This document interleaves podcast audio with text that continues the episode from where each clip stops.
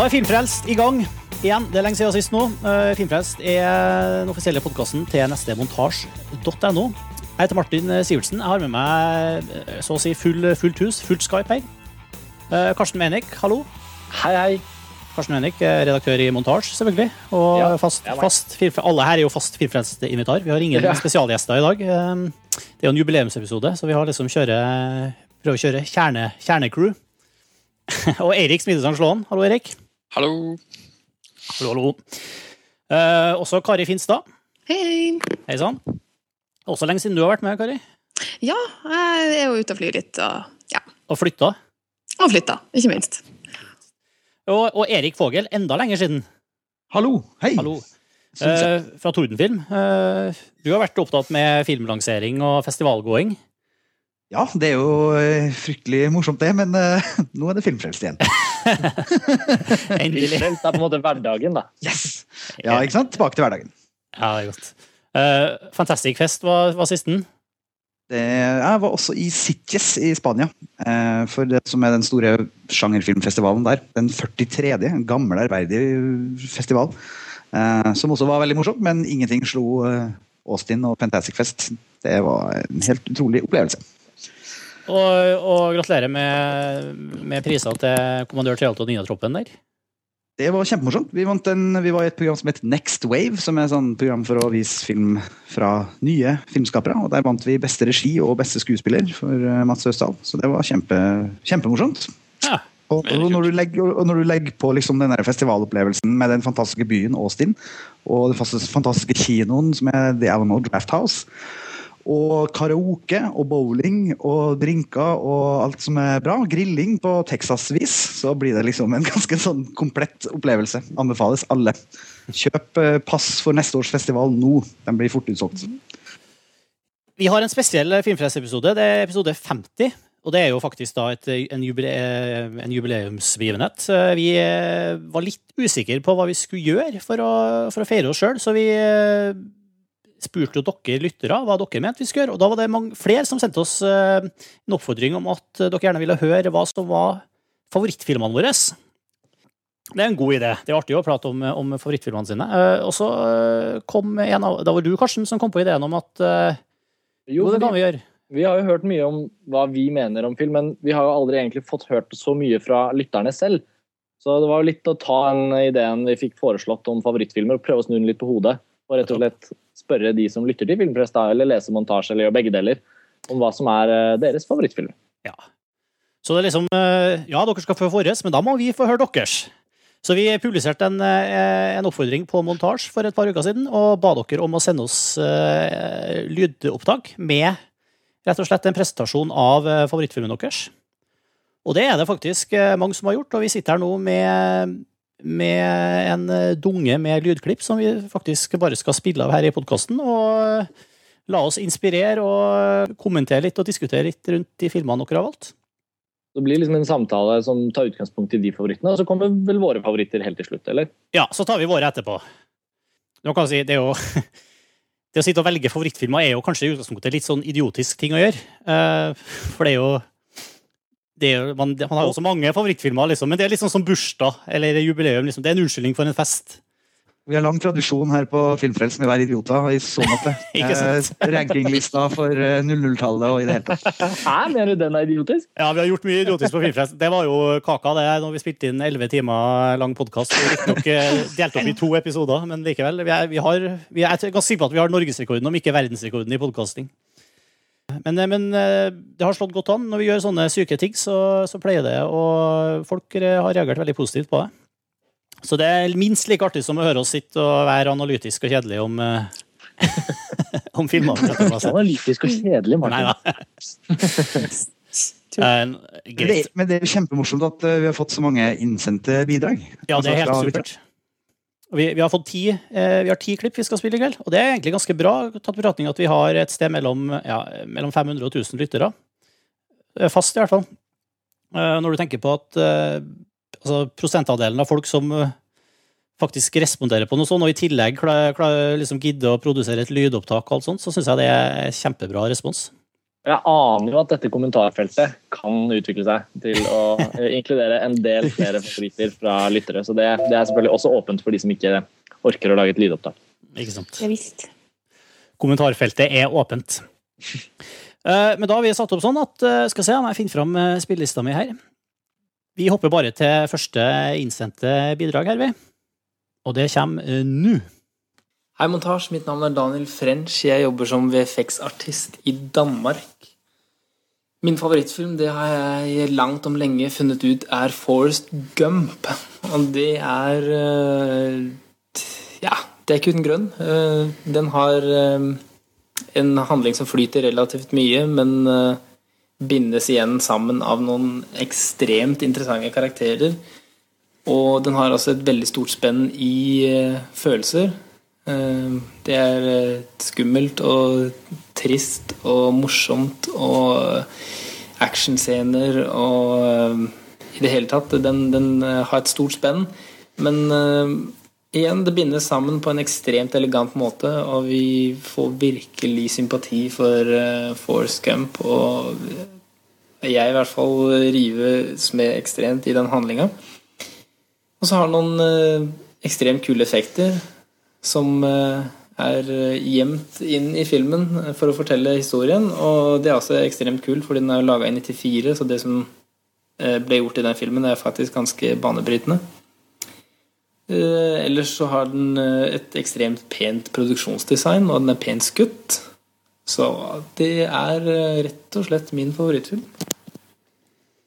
Det var jo en bra start. Det var en bra start. Daniel her, Forest Gump, 1994. Regi Robert Zemeckis. En litt vågal start, for det her er en film som faktisk eh, de fleste nå ikke tør å innrømme at de liker lenger. Det har jo blitt en film som de fleste syns er eh, blitt en liten kalkun, rett og slett. Jeg kan innrømme at jeg liker den veldig godt. Altså, Jeg, jeg anser Forrest Gump som filmen som fikk meg til å bli eh, filminteressert. Så jeg, For meg er det her en veldig viktig film rent personlig, selv om den har kanskje falt litt i kurs. så Jeg husker den filmen fikk seks i VG, og jeg gikk og så den. Og det var egentlig filmen som gjorde meg interessert i film som foto, film som scenografi, film som eh, visuelle disipliner. da. Så den er veldig høyt på min liste også. Absolutt. Kudos for eh, kreativt og ganske vågalt forslag. Jeg synes det er viktig å huske på med Forrest Gump at eh, det er en sånn film som alle husker etter de har sett den. Jeg har faktisk bare sett den én gang, men det er jo en del elementer fra Forrest Gump som bare aldri vil forsvinne. Altså En del filmer kan man synes er innmari bra, så glemmer man de. Man glemmer handlinga, man glemmer kanskje karakterene. Mens det sitter igjen så utrolig mye detaljer fra Forrest Gump. Jeg leste faktisk på Facebook nå sist for ti minutter før vi starta sending, noen som siterte 'Life is like a box of chocolates'. Så det syns jeg man ikke må glemme. Det var en film som, som liksom kapra hele verdens uh, hele verdens oppmerksomhet i et par år, liksom. Eller som ble liksom en del av verdenskulturen. Ja, Veldig, veldig sånn, som du sier, full av sitater og, og full av ting som man som umiddelbart uh, gjenkjent. da, nesten. Det var ingen, ingen som ikke hadde hørt om Forest Gump. på en måte. Det ble jo en blockbuster av dimensjoner. Altså, Jeg jeg, jeg, jeg, jeg, jeg, synes jeg, også den er- var mektig bra. Det er også veldig morsomt at han som VFX-artist eh, trekker den fram, for det er jo en film som virkelig satte ny standard for bruk av effekter. fordi de jo nesten er De er jo brukt nesten utelukkende som et virkemiddel for historien. altså De synes jo ikke i det hele tatt. Det er veldig lite show-off. Spesielt til å være Robert Zemeckis, som jo er kanskje en av de største show-off-regissørene. Så mm. morsomt å trekke fram Forest Gump, en film som jeg egentlig ikke har tenkt på på lenge. Ja, den har, det er, en sånn film som også har tatt en veldig sånn reise for akkurat kanskje vår generasjon. Da. For mange av oss var på en måte i en veldig sånn påvirkelig god periode hvor man begynte å gå mye på kino når man var sånn, ikke, mellom liksom 12 og 18 da, eller et eller annet sånt. Eh, og, og jeg merker veldig at den har hatt en sånn fase hvor jeg, jeg likte den veldig godt da jeg så den. Det storesøsteren min som tok med meg for å se den. Hun skulle på en date og jeg fikk være med og sånn. Og så over tid så lærte jeg meg å spille temaet på piano, og den ble liksom en fast referanse. Og så når man går inn i studielivet og blir litt mer analytisk, så er det veldig lett å se det skjematiske ved Forrest Gump. Da, glemme på en måte følelsene, og så lærer man seg liksom å pirke den litt fra hverandre, og så mister den litt status. Og så i fjor så viste jeg den for den minste søsteren min, yngste søsteren min som ikke hadde sett den. Og da kom jeg på hvor ekstremt emosjonelt engasjerende den faktisk er. da. Akkurat som han sier i, i opptaket her. At det er på en måte, Man kan man ikke fri seg fra å bry seg for både Forrest Gump, men også Sergeant Dan. Og Det er kanskje den spesialeffekten som har imponert meg mest. Det er den hvordan bena hans virkelig ikke er der. liksom, At han, er, han har amputert bena. Og, og de tenåringene jeg så den med, de kunne ikke se at det var effekter. og Det er jo også et tegn. Så Ser litt ja, rart. Rett rett og slett Lieutenant Dan. Lieutenant Dan, ja. Lieutenant Dan! Lieutenant Dan! Ja, den er jo Den er jo veldig siterbar, den filmen også. Alle husker jo stemmen til Tom Hanks, og alle husker eh, en del av den derre ja, The Life like a box of chocolates og Run, Forest Run, og det er jo liksom fullt av sånt. Referanser. Jeg, jeg husker til og med musikken, selv om det er årevis siden jeg har sett filmen. Men musikken har jo, altså jeg, som, som, som Karsten så spilte jeg også på piano. Og når jeg ble litt eldre på alle mulige nachspiel hvor jeg var litt for full, og så satt jeg og spilte Forrest Gump i piano ved et hjørne. Du gjør det Det gjør man jo fortsatt, ikke sant? Nei da, det gjør ikke det. Men synes musikken, er er, musikken er jo fortsatt blant det peneste, mest pastorale filmmusikkverk som er, er begått. Ernst Silvestres musikk. Den er jo nydelig. Forrest Gump står seg veldig bra. Og det var vel eh, den siste store blockbusteren fra Zemeckis. Det her etter eh, han har jo, Det er mannen bak Roger Rabbit og Back to the Future, og så kom Mm. den her, og så har det liksom Han lagde jo Contact etterpå. Ja, jeg synes Contact synes er er en- Kontakt er veldig bra, men det var jo ikke noe blockbuster. Nei, men den var jo ment å bli det, ikke sant? og var også en slags Oscar-favoritt før den ble sluppet for kritikerne. Men Jeg, jeg syns faktisk det er en bedre film. Men den er, han, er, han var en veldig interessant filmskaper en gang i tida, for han begynte med de der forferdelige animerte, dataanimerte stop motion-tingene sine. På en måte. Han har mista litt piffen, syns jeg, da. Erik, er du enig? Ja, jo, til dels. Han er jo også Han produserer jo mer og mer også. Han har jo kanskje gjort mest eh, like mye det i det siste, også andres filmer. Så Mm. Derfor ikke har så mye fra han annet enn enn de animerte filmene, som du sier. Jeg syns også Beowulf, som var den siste Nei, Christmas Carol var den siste, den har jeg ikke sett engang. Men Beowulf var liksom ganske forglemmelig. Ja. ja enig. Uansett, veldig bra valg, Daniel, og god start på um, Og takk for at du har sendt inn. Vi går videre. Jeg heter Jonas Kverner, og til vanlig så jobber jeg med lyd til film. Jeg skal fortelle litt om min favorittfilm, som er den danske Christoffer Boes regidebut fra 2003, 'Reconstruction'. Den forteller historien om den unge fotografen Alex som forlater sin kjæreste Simone til fordel for den vakre og mystiske Aimee. Det virker kanskje som kjent stoff, men uh, her tar også fellestrekkene med de fleste andre kjærlighetsfilmer slutt. Christoffer Boes debut er en repeterende, dvelende, forvirrende og fragmentert film som handler like mye om selve fiksjonsideen som om kjærlighet. Det er en metafilm som leker med filmens muligheter og utforsker vår evne til å følge med karakterene. Men jeg blir sittende og lure på om det virkelig er filmen som rekonstruksjonen Christoffer Boe er mest opptatt av å si noe om. Er det ikke hele livet han prøver å beskrive? Skapt gjennom rekonstruksjon av minner? Inntrykk vi en gang har fått? Ord som en gang har blitt sagt? Kan det være slik at vi lever et liv hvor vi hele tiden rekonstruerer fordi skapelsen av en egen subjektiv virkelighet er uunngåelig og kanskje til syvende og sist ytterst menneskelig? Jeg har sett svært få filmer som stiller så mange grunnleggende spørsmål som The Reconstruction gjør, og det er grunnen til at det er min absolutte favorittfilm. Rekonstruksjon. er Rekonstruksjon fra Jonas. Det er jo en interessant film å snakke om. Virkelig.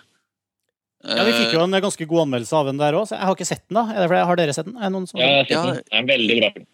Det er en veldig bra film, absolutt. Det er jo en litt morsom film, for det er jo egentlig liksom, Den vant jo Camera d'Or i Cannes i sin tid, og fikk jo veldig mye oppmerksomhet fordi den var en slags rekonstruksjon av filmen etter Dogme, Bølge, og diverse. ikke sant? Men jeg syns ikke at det er en kjempegod film. Jeg synes det er en film som faller veldig for sitt eget språk, og slett bare blir en slags litt tom film som skal handle om uh, Jeg vet ikke. Altså, Uforløste spørsmål er, er et bra tema, men det her blir liksom, jeg ble veldig lite emosjonelt engasjert i filmen, selv om jeg visuelt sett så syns jeg den var veldig engasjerende. Den er repeterende, dvelende, repetitiv og fragmentert, sier, sier, Jonas. Ja, han fikk tatt veldig mye òg, for det var, Mm. Han liksom pakka det skikkelig godt sammen på det minuttet han hadde Mm. til rådighet. Og det er jo Jeg vet ikke hvordan du opplever det, Erik, når du tenker på den filmen, men jeg, jeg kan også si meg litt enig i at den ikke kanskje For det er en sånn kjerne kjærlighetshistorie der mellom han Nikolai Kaas og hun eh, Maria Bondevie. Som tidvis kan være veldig på en måte stemningsfull og veldig sånn, nesten sånn teksturert. At du, du føler du kan liksom ta på filmen og kjenne det forholdet. Men så har han jo dette leket med språk som på en måte gjør oss litt emosjonelt distansert, men tidvis også intellektuelt mye mer engasjert igjen, fordi det er en film som utfordrer oss. Så det var det han eh, hadde, hatt, eh, hadde satt veldig eh, pris på, spesielt. da. Men, men Mm. jeg er enig med deg at den emosjonelle greia er ikke det jeg husker filmen for. Men det er jo, altså, er, Den heter jo rekonstruksjon, og det jo, den handler egentlig bare om å rekonstruere et eller annet. Gå tilbake til urspørsmål og, og sånne ting. Jeg syns det beste med den var egentlig Maria Bonnevie. Nå er jeg veldig fan av Maria Bonnevie, men jeg bare, jeg syns, syns liksom det var hun som jeg satt igjen med en veldig sånn emosjonell eh, investering i. da, som De to karakterene hun spiller, for hun spiller jo faktisk begge disse kjæresteemnene til hovedpersonen. Eh, og så er det veldig spennende at den er jo skutt bare med naturlig lys, og greier likevel å bli veldig veldig visuelt sterk. da. Eh, den, altså, den, er veldig, den er utrolig gjennomført. Det er virkelig det er et filmverk, hvis man kan kalle en film for et filmverk. Og, men den emosjonelt engasjerende i sin helhet, det, det var den ikke for meg. altså. Har dere sett den, eller Kari Erik?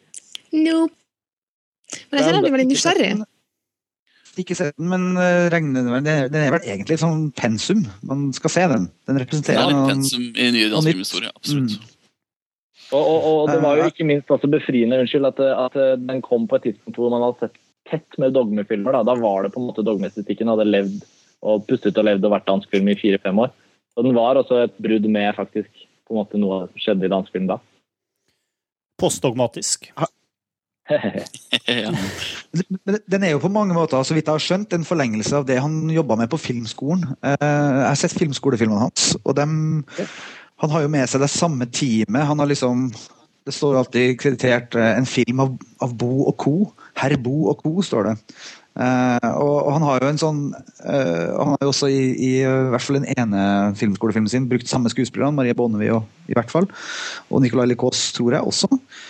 Og, uh, og har liksom bygd videre på de karakterene og de, de stemningene og fortellerteknikkene han har gjort tidligere. Da. Så han har et sånn veldig tydelig prosjekt. Så jeg nylig den 'Everything Will Be Fine', som vel er den siste filmen hans. Den er noe helt annet igjen.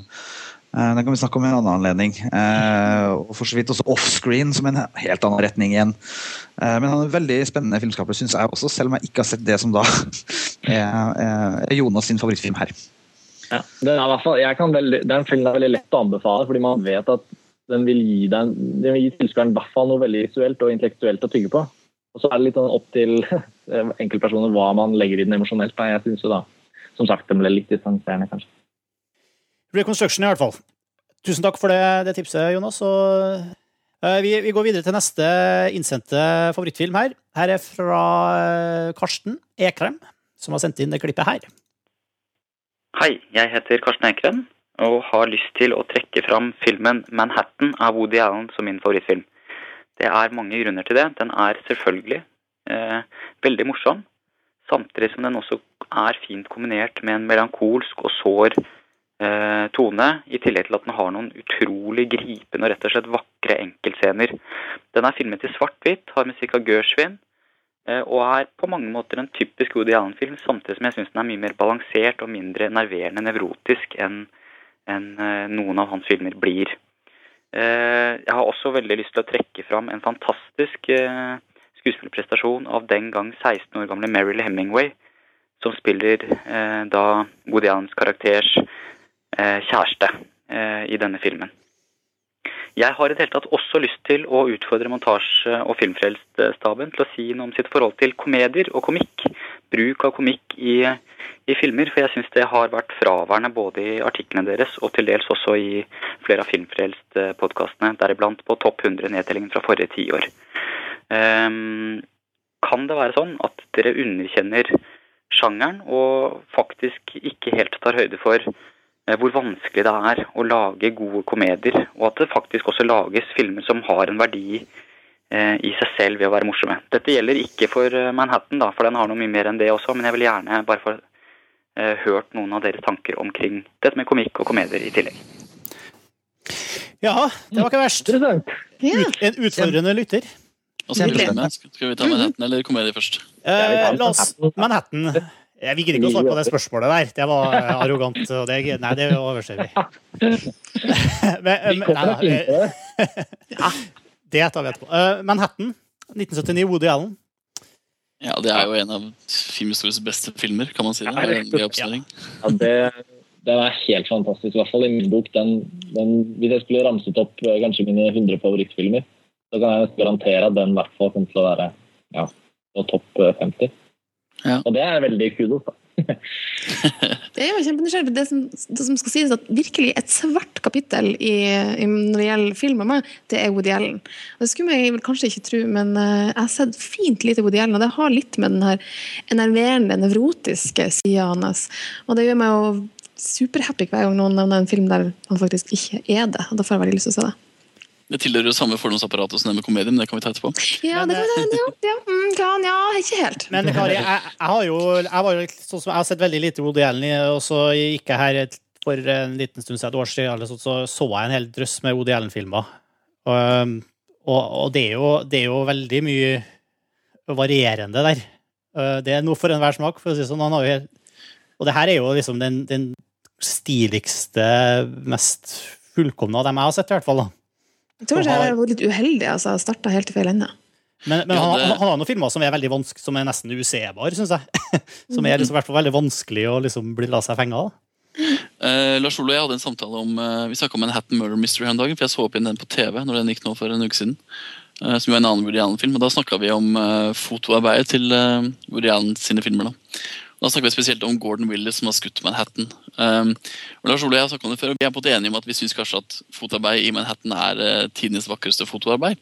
For å begynne å fortelle litt om hvorfor Manhattan er så bra film. da Men det som er så utrolig spesielt med Manhattan, er at hver gang man ser den, så blir man slått fullstendig i bakken av replikkunsten og replikkleveringskunsten i, i filmen. da Ikke bare skuespillerne, men i manuset, eller i den der slags halvveis skrevne, delvis kanskje improviserte prosjektet som er Manhattan. Fordi det er så, det er så avsindig mye karakterinformasjon, og det er så mye, er så mye liv da i Manhattan. Uh, og jeg, jeg elsker den jo, og det, det gjør jo Karsten også, eh, som dere hører. og jeg vet ikke, Det er en utrolig engasjerende historie på alle plan. da. Det er også en komedie, men jeg vil faktisk si at ok, det er en komedie, men det her er en av de filmene som egentlig bare handler om en sånn liv, et, et, et, et, et utsnitt av noen karakterers liv. da. Og som det så står den så utrolig sterkt i filmhistorien, som en sånn innsiktsfilm. da. Så jeg, jeg ser den egentlig ganske ofte. og Jeg syns den, er, eh, den er både vakker og engasjerende og alt det som en god film skal være. Og liksom eh, det, det som kanskje folk flest er enige om, er det store, store liksom, definerende høydepunktet i, i en, altså Woody Allen som har lagd så utrolig mye innenfor så utrolig mange forskjellige altså, film. og Han er vel musiker og standup-komiker og forfatter og utrolig produktiv kar, liksom. Ja, Den er jo et toppunkt, men det er morsomt å snakke om det er, en, det er en Keaton, da, som jo kanskje er den som har det enkelte elementet som kanskje er det mest liksom, anerkjente fra Manhattan, hvis man skal se på det litt mer, kanskje litt mer allment. Så jeg, jeg mener jo at det er Diane Keatons beste rolle også, og det er jo en rolle som bare virker altså, fotforma til uh, Diane Keaton. da. Uh, Woody Allen for eksempel, også gjør en veldig god figur. Uh, Meryl Streep har en veldig interessant rolle, en veldig merkelig, merkelig og litt sånn ja, litt absurd rolle. Uh, og denne Marielle Hemingway som han uh, omtaler. Den, altså det, er, det er så mye, da. Og karakterene har så mye å by på. Men Woody Allen selv gjør jo den, den stereotypiske Woody Allen-figuren. Jo men, jo, men det er noe med at Woody Allen satt i kompaniskap med det. Jan Keaton, blir ofte litt utspilt og blir plassert litt på sidelinja. Også da i Manhattan Murder Mystery, som jeg snakket om i stad. Og da, da blir han på en måte bare sittende igjen som en litt sånn halvveis og fortsatt nevrotisk, men litt mer mumlete og litt mer sånn troskyldig fyr. da, Og da er han lettere å kanskje godta, vil jeg tro, for den store allmennheten. Og Diane Keaton, her er hun liksom Hun er midtpunktet, og alt annet er egentlig litt sånn uviktig. Selv den nevrotiske Udianen, på en måte. Men, eh, men det er jo også herregud, det er jo en fantastisk visuell nytelse å se den. da. Ikke minst musikken som vi snakker om med, med, med, med New York og Gershwin og jazz og alt det som er. Det er jo en sånn sanseopplevelse å se Manhattan, helt og slett. Jeg synes ikke, åh, Det er så vanskelig å snakke om den nesten. for jeg synes eh, den har, den har liksom nesten, der Du kan snakke om alle elementene av filmen og hva det er som hever den opp. liksom. Altså, sånn som At han nevner hun Mariel Hemingway, som var på en måte Jeg husker så godt første gang jeg så den på første filmskolen jeg gikk på.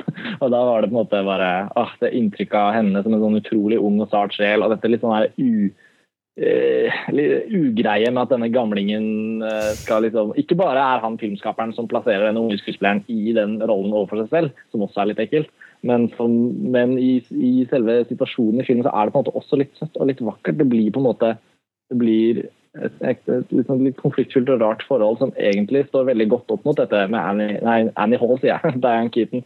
uh, som, som selvfølgelig, som du sier, er en sånn styrke, sånn magnet i hele, i hele filmopplevelsen.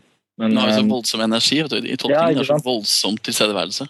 Mm, og og karisma. på det svare til Marielle Hemminger så blir det veldig sånn så blir det endelig sånn at eh, disse kvinnefigurene til Woody Allen overgår i all grad hans figur. Da. Og det er jo det nevrotiske og litt annen masete som kanskje blir ille, særlig ille i dårlige filmer han lager. Det får på en måte en perfekt balanse i akkurat den historien her. da. Manhattan i hvert fall. En uh, veldig severdig film, enten du liker Woody Allen eller ikke, er vi vel alle sammen enige om. Ja, og det er jo på en måte en komedie også, da. Det er en komedie. Uh, og vi tar vel ikke komedier på alvor, egentlig, på montasje, gjør vi det? Det er i hvert fall det er Karsten, eh, Karsten Ekrem uh, beskylder oss for. Jeg syns han, har- jeg synes han har veldig godt poeng med det at, at for eksempel på vår topp 100-liste så er det veldig lite. Fordi det er kanskje lettere å bite seg merke i og føle at en, en, eh, en tyngre film er mer viktig, av en eller annen grunn. Eh, det, men det handler jo veldig mye om hvor vanskelig det er å lage gode komedier. Eh, det er en del si, subsjangre innenfor komedie som jeg syns er ekstremt vanskelig. Altså, eh, jeg syns f.eks. at farsesjangeren er det er veldig få tilfeller at folk faktisk lykkes. Fordi at den ofte baserer seg på mennesker som begår litt teite handlinger for å i det hele tatt klare å drive plottet forover. Og at man kanskje ikke klarer å identifisere seg etter hvert med de menneskene. En annen ting er jo at altså, komikk, noe som får deg til å le, som er oppløftende, tror jeg kanskje også vi lider. Altså, vi lider kanskje litt det problemet at vi da stempler det som ikke så viktig, ikke så på en måte grunnleggende. Men herregud, eh, humor er jo en, en ekstremt viktig del av livet. Mm, jeg tror ja. Jeg, jeg, jeg, tror, jeg, tror, ikke vi undervurderer komedier på montasje uh, i det hele tatt. Jeg tror faktisk heller at det finnes veldig få gode komedier. Uh, er min påstand, Og det finnes veldig få vellykka reine, komedier. Det finnes, finnes, veldig mange sjangerblandinger hvor man blander inn jeg ikke, feel good-filmen, som kanskje heller kan, ofte kalles drama, eller svart komedie, som ofte også, kanskje også, også blir drama. For eksempel, da. Men ren komedie er det lite bra film i. I hvert fall sånn fra nyere, nyere filmhistorie, spesielt amerikansk, syns jeg. da men jeg synes faktisk som sjanger, jeg er, jeg er, veldig glad i drama og thriller. Jeg er ikke spesielt glad i komedie. Det er ingenting med at jeg undervurderer komedien, men jeg syns latter er en uh, billigere følelse enn det å få meg til å, å grøsse på ryggen eller uh, felle en tåre. Så Oppsøker du komedier da, Erik? i noen grad? Jeg, jeg, ser jo alt som er på kino, på en måte. Mm. Så jeg får jo med meg komedien også. Men samtidig, rett og slett for å si hva jeg undervurderer, så undervurderer jeg rett og slett humoren som en følelse. Som jeg mener er nesten lettere å fremkalle hos meg enn det å få meg til å, å begynne å felle en tåre på en måte. Det tar lengre tid for meg å felle en tåre enn å, enn å le. og hvis en film får meg til å felle en tåre, så er den mer engasjerende. Jeg husker den lenger, rett og slett. da. Um, jeg syns det, det, finnes hmm? Jeg syns det er interessant det du sier om rene komedier. For det er jo veldig mange filmer som har sterke komiske elementer, som er veldig altså, er, så, Ta film som Toy Story 3, for eksempel. Mm. Det er jo en veldig komisk film. Jo, men det er veldig morsomt, for sånn som Jeg skrev en lang sak om Toy Story 3 på montasje, men det var ikke komedien Toy Story 3 som engasjerte meg, det var jo dramaet Toy Story 3 som engasjerte meg. Mm. På en måte. Det var gjennompåvekkelsen av uh, tidligere altså alle sånne triste elementer. da. Men det som er liksom, komedien Ja, komedien kan jo også Kari, Kari, Det er jo ofte de komiske elementene som gir en film varme, og som faktisk gjør tragedien om du vil, større. Altså, at den samtidig klarer å gi en dynamikk Um, jeg syns en del filmer som bare er trist og traurig, der ingen smiler, de treffer meg ikke. Da bryr jeg meg til slutt ikke. Um, men når du har kanskje komikk som ligger Tørrvittighet som ligger under, uh, som gir, gjør karakterene mer dynamisk, da, da, liker jeg veldig godt at det er til stede, og jeg, jeg syns det gjør en film mye rikere. Men, ren, altså, men, jeg er enig med Eirik at det, det å ha en, en ren komedie, det, det blir noe helt annet igjen. Jeg syns, eh, også det er på en måte interessant å tenke på Jeg synes Det er bra at han tar opp det spørsmålet og stiller det til oss på denne måten. for Det er, det er sikkert noe vi kunne nesten hatt en helt egen episode av Filmprøstom som handler på en måte om komedier, og hvordan vi, hvordan vi, ser på dem, og hvordan man vurderer dem og hvordan man opplever dem som kinofilmer eller som DVD-opplevelser.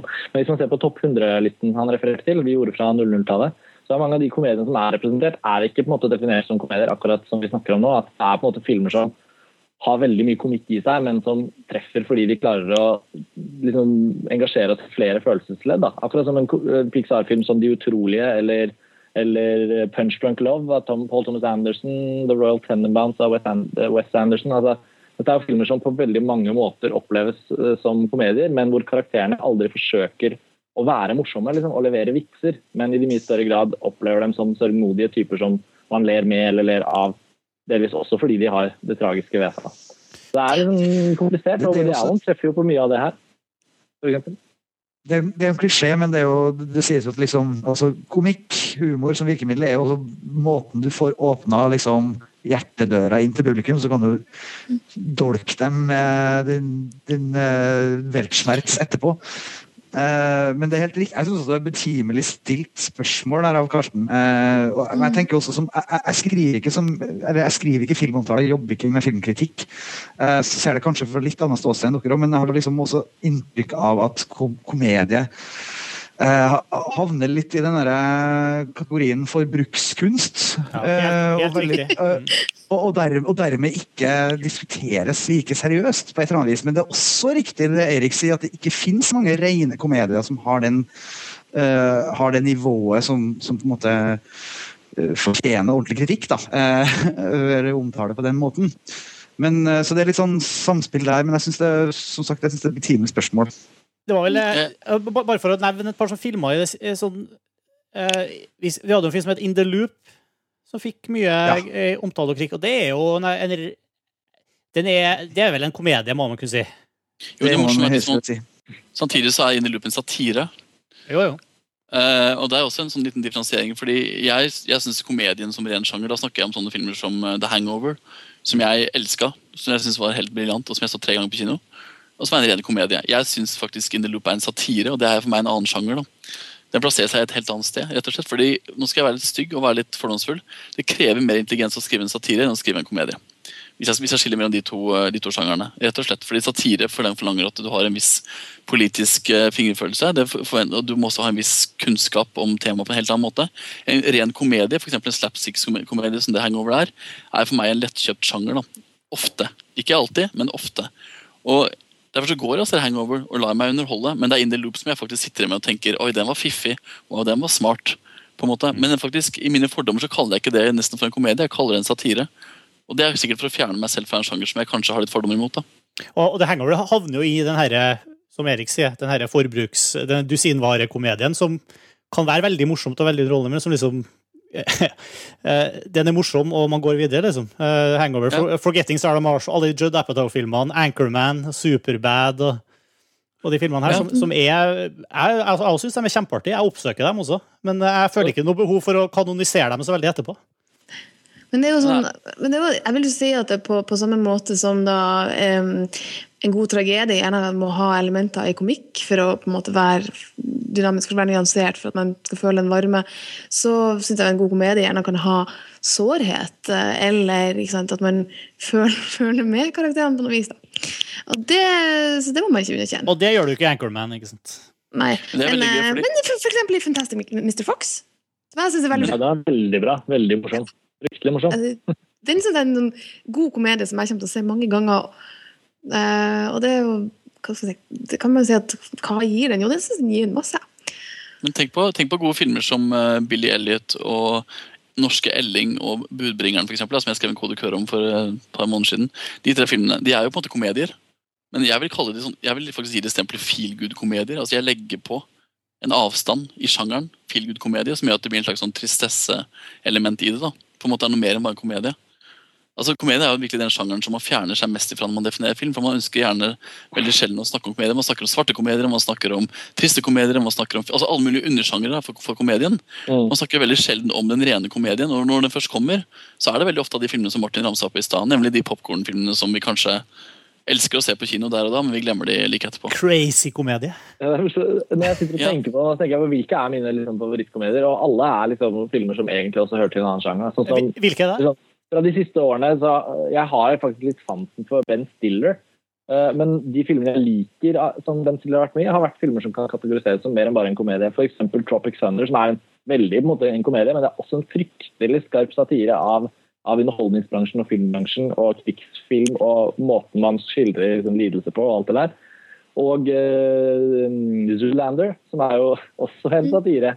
En komedie, selvfølgelig, men den er også en satire, for den er så jævlig skarp i måten vi definerer skjønnhet på, og kjønnsroller og liksom snur på ting. Og Groundhog Day med Bill Murray. Som, Mm. og Wag the Dog, som er politisk satire. Altså, det er noen av de filmene jeg ler mest av. Da må, da må vi gå veldig langt tilbake her, ja. Og så Chaplin, selvfølgelig.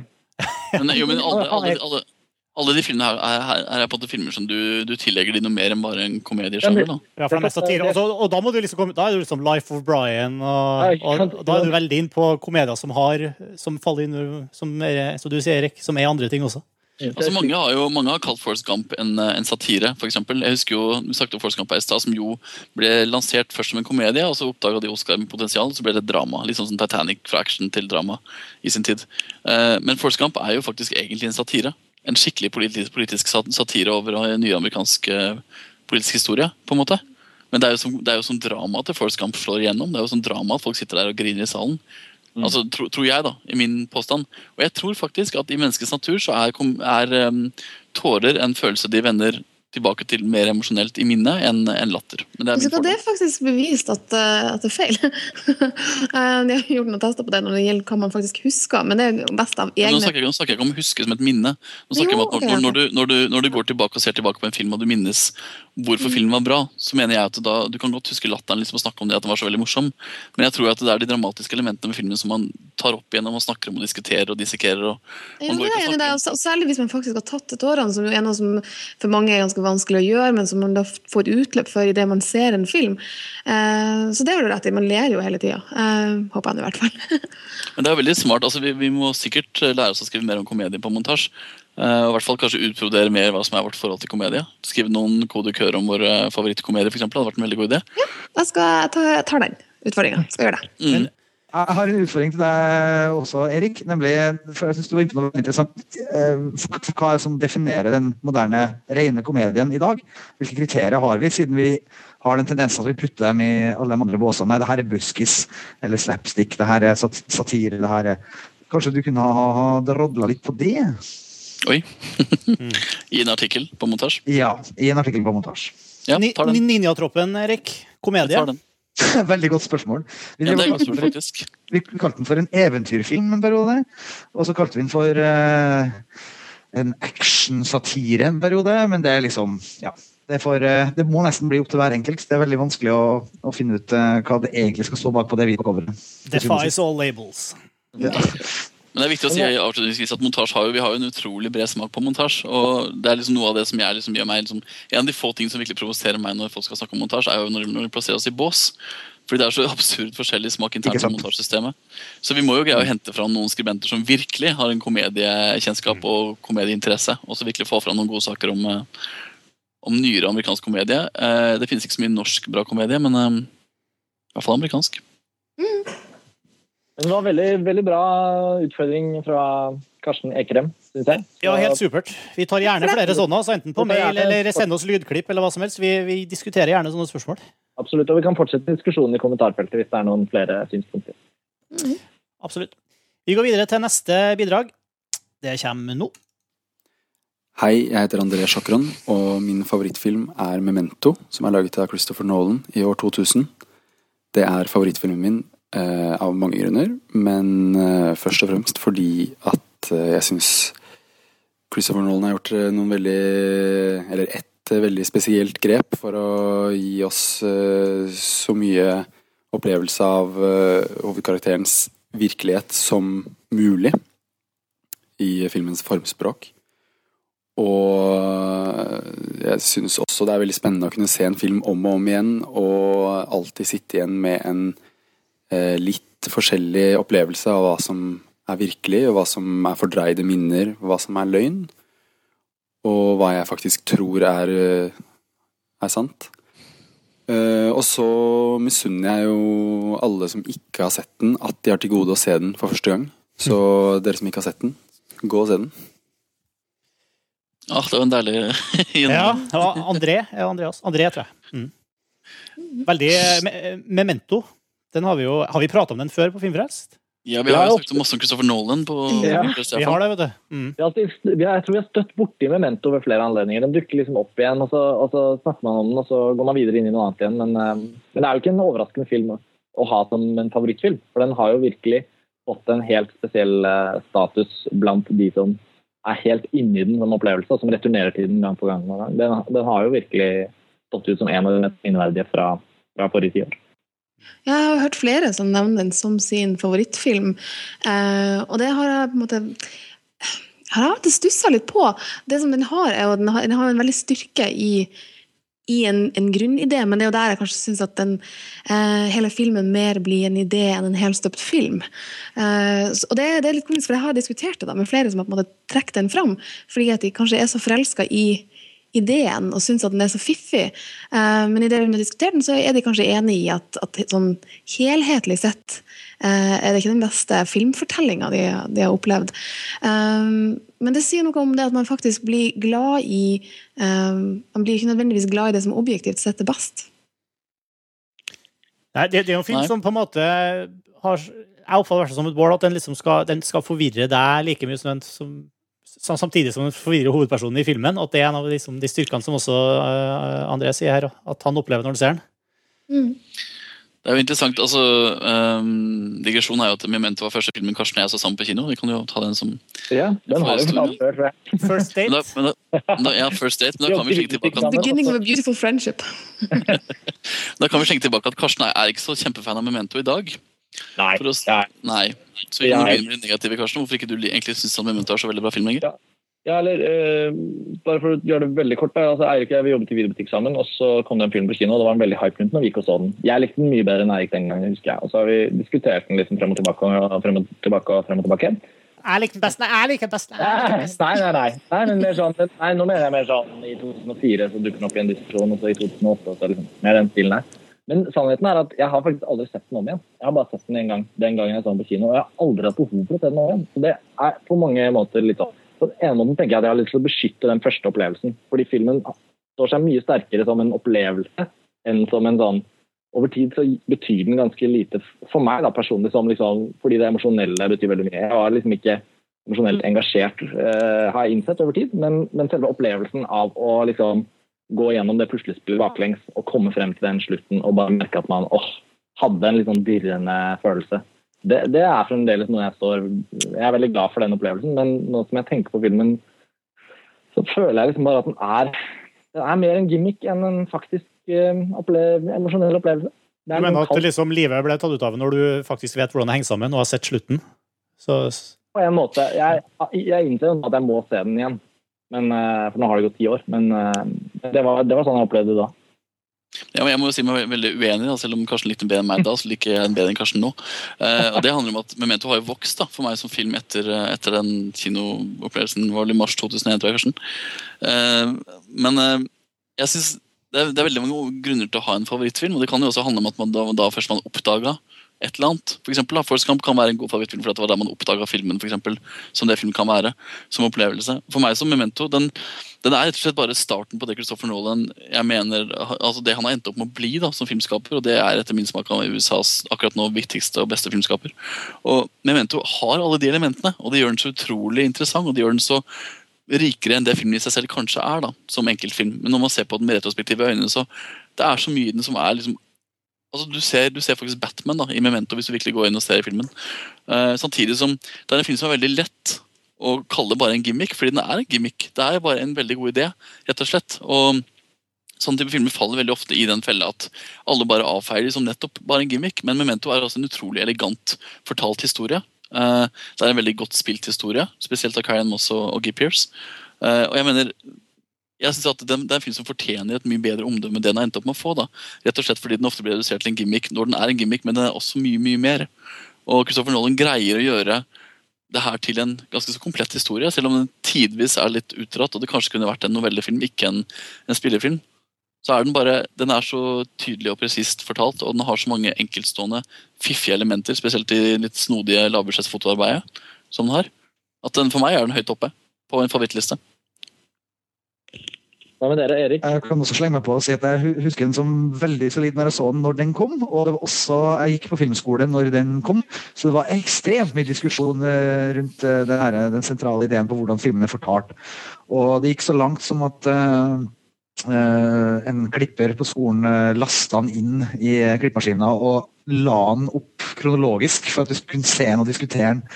Uh, altså Såpass engasjerende var det. Eh, men jeg har ikke sett den igjen siden, og jeg har veldig, veldig lyst til å se den igjen nå. Det, er, Kanskje vi skal se den sammen? mm, det kan vi gjøre. Men du mener at du har sett den i Du har faktisk sett filmen i, i kronologisk eh, handlingsrekkefølge? Ja, jeg mener det. Og den hang sammen, også i den eh, altså Naturligvis. Han, han, han kunne jo ikke ha laga den filmen og fortalt den på den måten uten å vite at det henger sammen også andre veien. På den ene spesialutgaven på DVD så er det mulig å se den eh, i kronologisk rekkefølge. Det er en sånn hidden feature. Mm. Kanskje han egentlig først lagde en ganske kjedelig film, og så tenkte han nei, det her, her blir for kjipt. Vi tar og stokker litt om på klippene, vi random i Final Cut, og så har vi Nei, men, men det er mye mer enn en fiks idé. Det er, det er mye mer enn en fiks idé. Jeg synes filmen transcenderer veldig den ideen sin. da, Den store ideen. Eh, jeg syns den er veldig solid, både spilt og, og, og, og klippet og, og skutt, uavhengig av det. Men det skal jo også sies at det som en del nyere film virkelig mangler, er jo en god idé. Og det, og det, er, altså, det er jo en grunn til å virkelig trekke frem og, og, og huske på Memento. Mm. Ja, det er et godt poeng. Mm. En, eh, en absolutt en montasjefilm. Vi har eh, alle et forhold til den, i hvert fall. Mm. Mm. Yes, vi går videre til neste klipp, og her er en godbit. Hei, jeg heter Patrick Fogel. Ja, riktig, jeg er faren til Erik, som er fast hos dere. Jeg setter veldig pris på programmene deres, og jeg prøver å få med meg dem når jeg kan. Jeg har lyst til å anmelde en film som min favorittfilm. Field of Dreams med Kevin Costner som har hovedrolle om en bonde som hører stemme fra en maisåker. Og budskapet er, deres er at han skal bygge en baseballbane. Dette handler mye mer enn om baseball. Det er faktisk ikke en baseballfilm. Det, er, det handler om å realisere sine drømmer og om relasjoner, spesielt familierelasjoner. Jeg anbefaler den på det varmeste. Takk. Ja, det var Der, sånn. Takk tilbake. Pappa, Det var, det pappa var Fogel. farsan. Ille Ja. Råbra. Og han er selvfølgelig amerikansk. Ja. Og fram Og jeg så jo denne filmen eh, sammen med han på video eh, for ja, mange herrens år siden. Den kom i 1989. Eh, og den er regissert av eh, det står her eh, Phil Alden Robinson, stemmer det? Ja, han, Eh, en regissør ikke jeg har noe forhold til, men han jeg husker den jo også. Ok. Jeg husker den jo som bra, men jeg har jo selvfølgelig Jeg har jo selvfølgelig Hva skal jeg si altså, han, Faren min sier at det ikke er en baseballfilm. Men, eh, men den er jo også det, og det er jo en egen sjanger som det kanskje snakkes altfor lite om på montasje. Ja, men, men, men altså, det, han har rett, for det, det er ikke en baseballfilm på samme måte som uh, liksom Rudy Nei, det er en fotballfilm, det. Uh, det eh, Any Given Sunday og sånn. Any Given Sunday og denne filmen med Madonna og Gina Nettopp. Altså, det er ikke en sånn baseballfilm. Men du har sett den nylig, Martin? Ja, har, altså, jo, vi snakka om Forest Gump her som liksom planta seg i verdenskulturen. Jeg tror, jeg tror den her er en Phil Ordins var en utrolig viktig film for amerikanere, som liksom alle, alle vi kjenner til der, men som liksom ikke forplanta seg i resten av verden nettopp pga. at den handler så mye om baseball. Selv om den ikke handler om baseball. Jeg, eh, tror jeg. Og jeg ble litt Veldig klart det der, Martin. ja. Eh, jeg ble jo veldig overraska når den her kom inn som sånn favorittfilmvalg, for jeg har jo ikke sett den på kjempelenge heller. Eh, Og jeg så den nå nettopp eh, i forrige uke.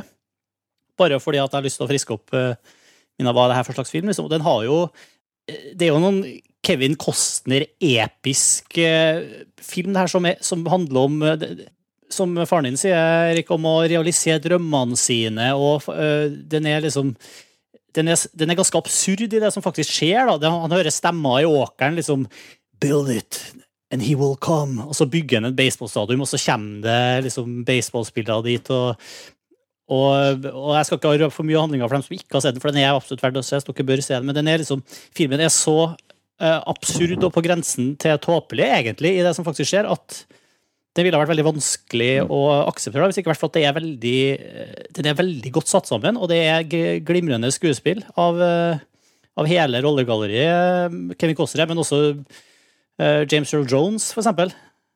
Spiller en god rolle. Og, og den her familiesituasjonen til han bonden som, som er hovedrollen, den er også veldig bra satt sammen. og og, og, og du sitter her med en sånn veldig sånn mektig film, sånn skikkelig sånn tearjerker. Den, jeg sitter, med tårer i øyekroken eh, når jeg ser den, liksom, og den er veldig Gjør det nå, du, faktisk. Ja, jeg gjør det. og den er um, Den handler ikke bare om å realisere drømmer og, liksom, og familierelasjoner, men liksom, den handler om, om alderdom, og, og den er veldig egentlig melankolsk og litt trist, liksom. og det, det er en utrolig mektig scene på, på slutten der, hvor eh, Ja, spoiler-advarsel, liksom, men det Hvor liksom hovedpersonen møter på en måte sin, sin egen far som, som ung mann.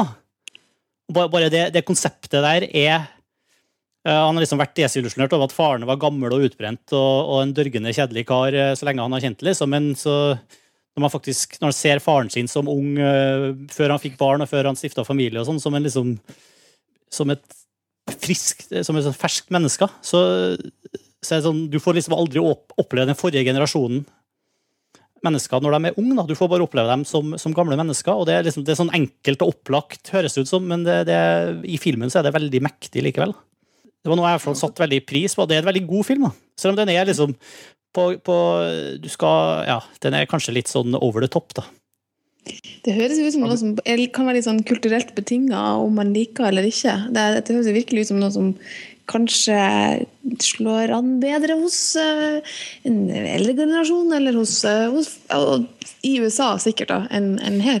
Jeg kjenner at jeg får jo litt sånn øh, angst Jo, også- med tanken på å skulle se Ja, nei, Kevin Costner og, og, og mektige følelser får jeg litt angst av. det. Men den følelsen jeg har nå når jeg sitter og ser filmen, er garantert helt annerledes enn jeg hadde jeg så den for første gang. Nå som, Mm. nå som jeg er blitt familiefar og, og har, mange av de, har litt, litt annet perspektiv på mange av de temaene her. da. Jeg får veldig lyst til å se den igjen sjøl, faktisk. Så Jeg får lyst til å se den, egentlig. Og det er jo en far- og sønn-film, Erik. Ja, ikke sant? Kanskje vi skal se den. Jeg skal til Trondheim nå i helga. Skal vi se. Også viktig å si at eh, Kevin Costner er jo en av de mest under, underkjente skuespillerne slash filmskaperne Hollywood har budt på de siste 15 årene. Ja, Så Kevin Costner trenger en, han fortjener en renessanse. Det høres ut som det her kan være en av de som faktisk fortjener en renessanse. Han er er veldig god i filmen der, altså. Det, er sånn, Ja. det, som er at han er, ja, det, det tror jeg er et godt poeng. Problemet med Kevin Costner er at han er jo bare så utrolig kvalmende når han er det. Uh, Syns jeg, da. men, uh, men han er jo også en god skuespiller. Eh, er Og her, og her i den filmen her så er han jo virkelig på høyden sånn karrieremessig òg. Det er etter The Untouchables, men like før uh, 'Danse med ulver' og 'Robin Hood' og 'JFK' og 'The Bodyguard'. Og, ikke sant? Så det er jo virkelig en god periode for ham. Ja, det er golden, golden age. Ja, og så på et Ja, er der så kom den derre Waterworld og The Post. Eh, Ja. Men, men så kom også 13 dager, som jeg fortsatt mener er en av uh, beste Mm, ja. thrillerne. den faen, den er bra. Jeg husker at jeg, jeg, da Waterworld kom, så var jeg jo stor fan. Jeg så den jo masse. Jeg så den jo mange ganger, husker jeg. Den gang Jeg så den bare én gang, men jeg så 13 dager. I hvert fall tre ganger på du nevnte den. Den hadde jeg nesten glemt. Den var bra, den. 13 dager er knallbra. Den gikk jo på TV om dagen, faktisk. Jeg Så jeg så den opp igjen sammen med min, eh, min pappa, som både pappa og jeg er veldig fan av. Han er veldig sånn Kennedy-historieelsker. Så vi så Mm. den sammen. Og igjen, pappa og sønn. Men um, den er virkelig god, altså. Den er virkelig, virkelig god film. Um, Ja. Så Kevin Costner, kudos. Han fortjener virkelig å trekkes fram i en sånn um, sammenheng. Og kudos, pappa Fogel. Yes, Absolutt. kudos. Eh, veldig bra filmvalg. og ja, Hvis dere ikke har sett den, eh, så se Field of Dreams. Altså. Den, er ikke, den er mye bedre enn den høres ut som. ok, neste, neste klipp kommer nå. Hei, mitt navn er Jannike Stenal Hansen. Eh, Jeg vil prate om en film som jeg liker veldig godt, som heter Le Chanson d'amour og er fra 2007. Eh, Og den ble laget av Christophe Honoré. Det er en musikal, eh, først og fremst, kanskje, selv om den ikke er overhodet er spesielt musikalaktig. Eh, Den handler om veldig mange forskjellige fine og triste ting som plutselig bare skjer, som man ikke kunne forestilt seg på forhånd. Eh, Det er en kjærlighetshistorie om tre mennesker som har et parforhold, en trio, sammen. Ehm, og de synger, det synges nydelige sanger, og det refereres til gamle filmer, og det sies vakre replikker, som blant annet denne her. Aime-moi med mais aime-moi. Som betyr 'elsk meg mindre, men elsk meg lengre'.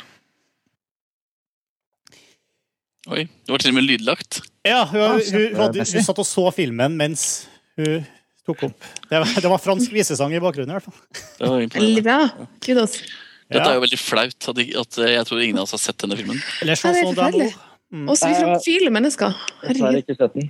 Men jeg har sett noen andre Kristoffer-filmer, og jeg, jeg er overbevist om at denne her har vært å se. Jeg har liksom bare aldri kommet til det, dessverre. Jeg leste hele sammendraget av plottet på, på Wikipedia mens uh, Jan, Jannicke snakka. Og jeg, bare, jeg ble jo virkelig engasjert. Det høres ut som en utrolig ambisiøs og ganske så gjennomført film. når jeg leser om den. Eh, Det er jo kjempeflaut at ingen har sett den. Det der sitatet «Em- moi, moi» med moi longtemps», det er jo den franske fisefine versjonen av Love You Long Time. ja, det strakk ballongen. Ok, unnskyld, Jannicke. Er- er stygt- stygt sagt. Ja, det Ja, det er et, det er et veldig, altså En annen ting jeg tenker på når man leser om og ser, eh, ser trailer eller Jeg føler nesten jeg vet alt om den filmen uten å ha sett den. og Det, det er dette trekant, dette trekantaktige forholdet, eller tre mennesker som forsøker å leve tett, og nett, nært på hverandre i kjærlighet. Minner meg jo f.eks. om eh, Julie Jim av Francois Truffaut, som er en av mine da, mange favorittfilmer. Ikke en toppfavoritt, men en veldig høy favoritt. Og, og det er jo ikke en dum film å, å relatere seg til. Men eh, det er jo musikal også, da. Det kan godt hende det var musikk fra selve filmen vi hørte i bakgrunnen. Den ser veldig spenstig ut. på, Jeg har sett traileren etter at vi fikk inn i klippet her, og jeg fikk veldig lyst til å se den etter å ha hørt Jannicke snakke om den og, og sett traileren. Den ser veldig fascinerende ut. eh, Og som du sier, det er en musical, men den, ser veldig spesiell ut til å være en musical. Det er også viktig å si at hvis, har- hvis, mon- hvis montasje har fordommer imot en sjanger, så er det musikalen. Det må vi bare Ja, si en gang. ja. Det er ikke, vi, hater, vi hater musikaler på montasje. Nei, nei, nei. Generelt. Neida. Men altså, er, hvis det er en sjanger som vi virkelig ikke skriver noen verdens ting om, og vi på kammerset og på vårt nye kontor snakker litt så negativt om av og til, til noen ganger, så er det musikalen. Mm, jeg har jo litt å ja, sjekke på deg. Men det er jo litt sprøtt, egentlig, Erik, at uh, i hvert fall en av oss bodde fortsatt i Frankrike når denne filmen kom Ja, ut. vi, faktisk, Det er egentlig kjempeflaut. Christophe Honoré er jo blant de større filmskaperne i Frankrike. Og rollelisten er superimponerende. Og jeg mener, denne filmen her var jo garantert på kino i Norge også. Kjærlighetssanger, jeg vet ikke. Mm, det høres iallfall kjempespennende ut. Ja, men da må vi skjerpe oss. Vi må se mer eh, ja, kjærlighet og eh, musikal. Ja, det blir neste fest, det. Jeg bestiller på Play Play nå mens vi sitter her. D'amour. Han hadde en film på kino i, som hadde premiere like før jul i fjor, som heter La Belle Person, som det var Tour de Force som distribuerte i Norge. Så han er ikke helt urepresentert. Og det var, også, det var en veldig fin film. Det var den første Honoré-filmen jeg så. Så um, det er mye, tror jeg, å se uh, hos denne filmskaperen. Definitivt. Den koster 1949 på Play. Det er ganske stivt. Det er i så fall den dyreste DVD-en jeg kjøper på Play. Da må virkelig Jannicke ha vært overbevist. Altså. Ja. Jannicke, jeg kjøper den på Play for uh, den dyreste DVD-prisen jeg har kjøpt noensinne, tror jeg. Men for, for du var overbevisende. Er det én DVD uten ekstramateriale, eller? Ja, det er ikke engang eh, engelsk tekst, tror jeg. Ja, han, han kalte på DVD på kan Play.com, Sette eh, seg på flyet til Frankrike og går på Fnac og kjøper den. Det er jo, det er jo Ludivine Sagnier som spiller i den, en av de vakreste franske damene. Så dette blir jo spennende. Åh, Må si tusen takk for tipset, rett og slett. virkelig. Nå tipper jeg at flere av oss kommer til å se eller sånn som Demo i løpet av de neste månedene. Takk, Annike. Vi hopper videre. Eh, her kommer det en double bill her fra neste innsender. God dag, montasje. Mitt navn er Tommy, snart 18 år, fra Østfold. Jeg velger å nevne to av mine største favorittfilmer, som også faktisk har samme tematikk til en viss grad. Martin Scorseses Raging Bull fra 1980 og Stanley Kubricks Barry Linden' fra 1975. Begge filmene handler jo om en persons liv og problemer, og hvordan livet til denne fyren går. Jeg er ganske glad i, eller veldig glad i karakterbygde filmer, så derfor er begge disse på min topp fem. Um, ja. Fra Tommy der. Raging Bull og Barry Linden. Ja, Det er kanskje ja. to kjipeste, kjipeste forslagene vi har fått inn på den lista. Det er jo to ganske sånn un, altså, ja, middelmådige produksjoner. Jeg er så glad du Gi deg! Jo, men ærlig talt, Berlin er en begredelig film. Ærlig talt, Det er ikke spesielt. Berlin er en herlig film. Du kan bare slippes. Du bare, du bare, du bare ramler opp inn, så blir du der.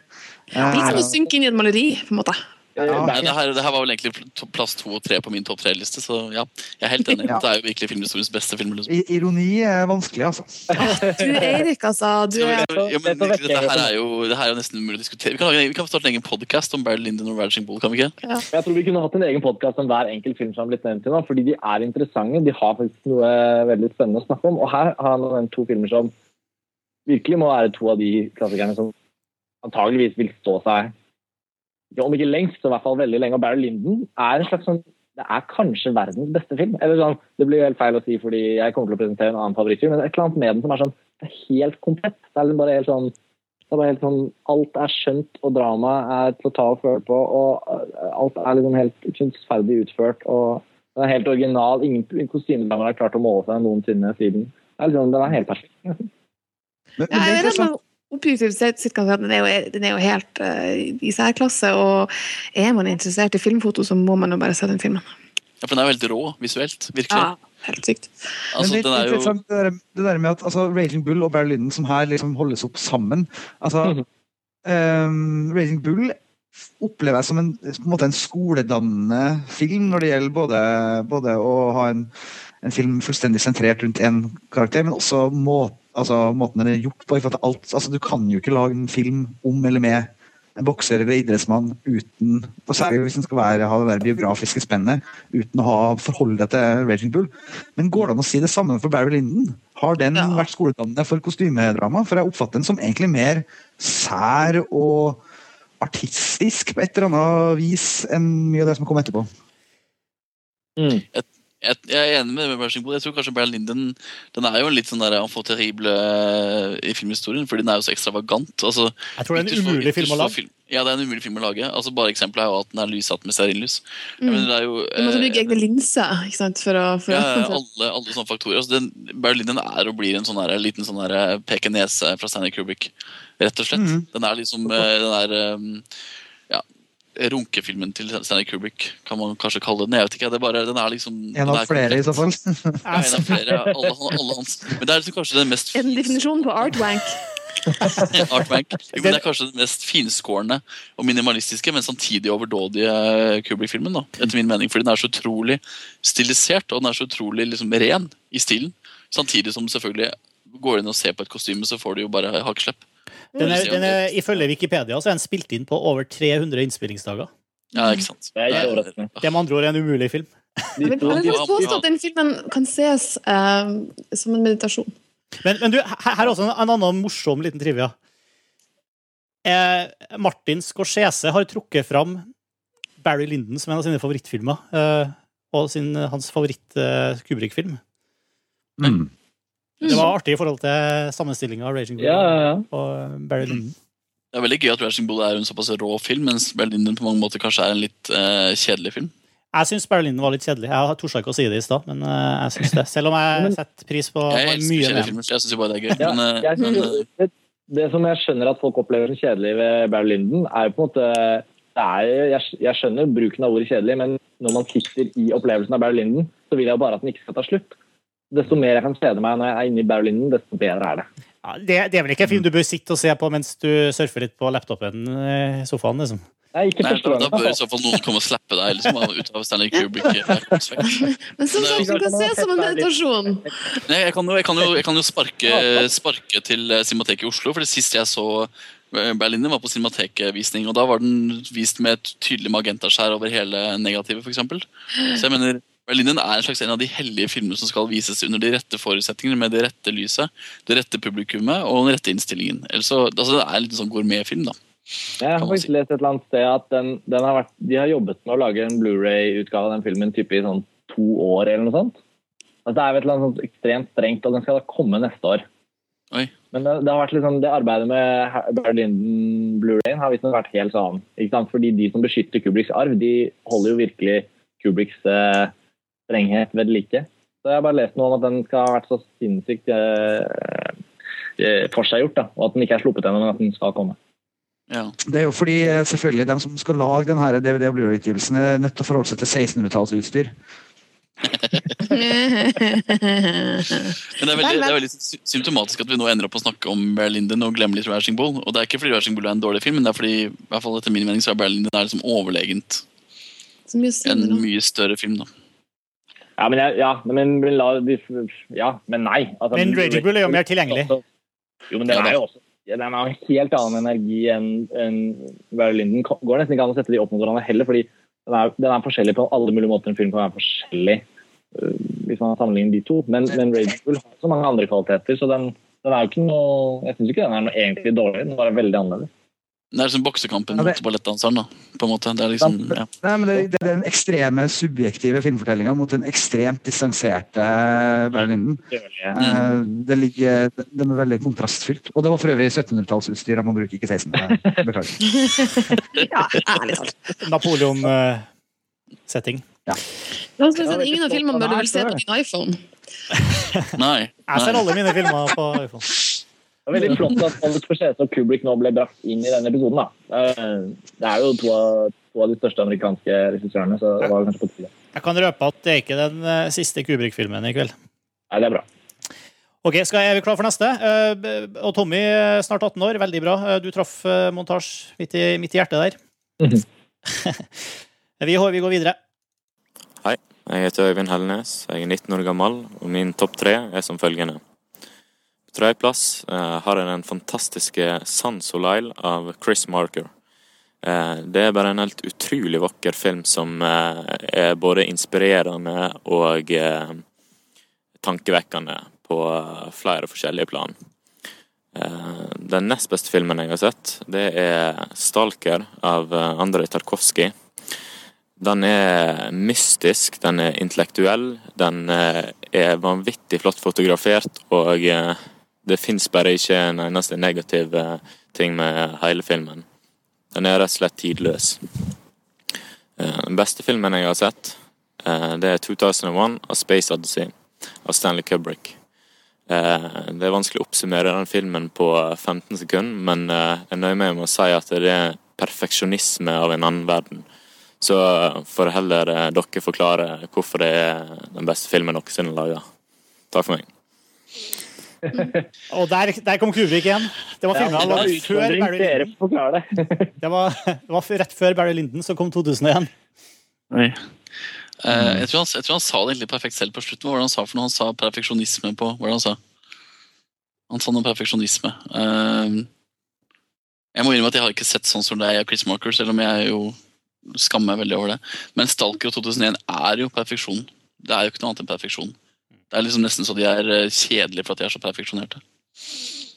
De er nesten uinteressante å snakke om for at de er så perfeksjonerte. Det, det, det er snodig det der, fordi det, er sånn det er jo filmer som er helt, så helt vanvittig gode, men hva skal man si?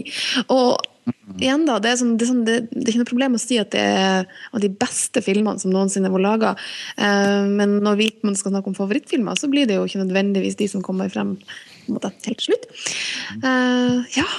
Ja, hva skal man si, da? Jeg vet ikke, jeg, jeg, jeg setter også 2001 eh, ekstremt høyt opp. Jeg har, jeg har, jeg har ikke sett eh, Stalker, da. Eh, kan du fortelle meg litt om den filmen? Kjenner du Tarkovskij, da? Jeg har sett eh, Jeg har sett den her eh, Jeg kjenner lite til den, for å si det sånn. Jeg har sett eh, Hva heter det? Solaris, kanskje? Solaris har jeg sett. Ja, det har sikkert sett. Det er vel stort sett den eneste uh, Tarkovskij-filmen jeg har sett. Så jeg har ikke sett Speilet eller eh, Nei, jeg ser faktisk, også jeg ser skremmende, blank på Tarkovskij. Ja, Kan noen fortelle meg hva Stalker, Stalker handler om? Jeg ser jo faktisk for, for bare en digresjon at eh, Chris Marker eh, Vi har ikke sett Er det ingen, er det ingen som har sett Sans som? Jeg har sett Sans Soleil.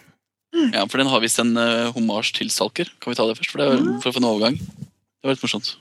Ja, hva, eh, kanskje jeg kan spotte homasjen hvis eh, noen hva, hva, hva er det som er bra med Stalker? For å si sånn? vi, vi alle sammen, eh, vi trenger ikke å snakke så mye om 2001, for den er, jo, den er vi alle enige om. Er, den har alle sett, og den, er- den er, det er jo et mesterverk, ubestridelig. Ja, Hva som er bra med Stalker, som jeg vil egentlig kalle Heter den Stalker? Heter den egentlig ikke Stalker? Jeg vet ikke. Stalker. Eh, Øyvind kalte den Stalker. Ja. Nei, det som er så sykt altså jeg, jeg har ikke sett Stalker siden jeg så den på filmvitenskap på mellomfaget. Men det jeg husker, da, som var liksom det store liksom, litt sånn der, eh, sjokkerende, var at den er fullstendig hypnotiserende. Det er sånn film som, eh, Den handler jo om indre altså sånn slags indre sjel i science fiction. Eh, det handler jo om det ytre. Det ytre stedet hvor du kan komme på et eller annet stadie, og hvordan du har det der. og Samtidig som det handler om det indre i, i hodet ditt. da. Jeg husker at jeg syntes den var vemmelig. Skikkelig vemmelig. For jeg synes at den, den føltes som en sånn torturering av hodet. da, på måten den er på. Samtidig som den er like kryptisk og um, symbolsterk som det alle Tarkovskij sine filmer er. Og like kløktig planlagt, altså like heftig produsert. Altså Som alltid så er det noen sånne ekstravagante fototekniske ting som, som setter deg ut, hvis noen er interessert i foto. Um, Samtidig så er det også en film som kanskje Kanskje kan, kan vi si at det er Tarkovskij sin mest publikumsfiendtlige film? Den vanskeligste å, å se Ja, som publikummer? Jeg skulle akkurat til å kippe inn her i stad da dere snakket litt om dette, fordi um, jeg har ikke sett Stalker. Og jeg har André som hadde Memento som favoritt. Han snakket om at han unnet øh, alle de som ennå ikke har sett Memento, den første opplevelsen av å se Memento.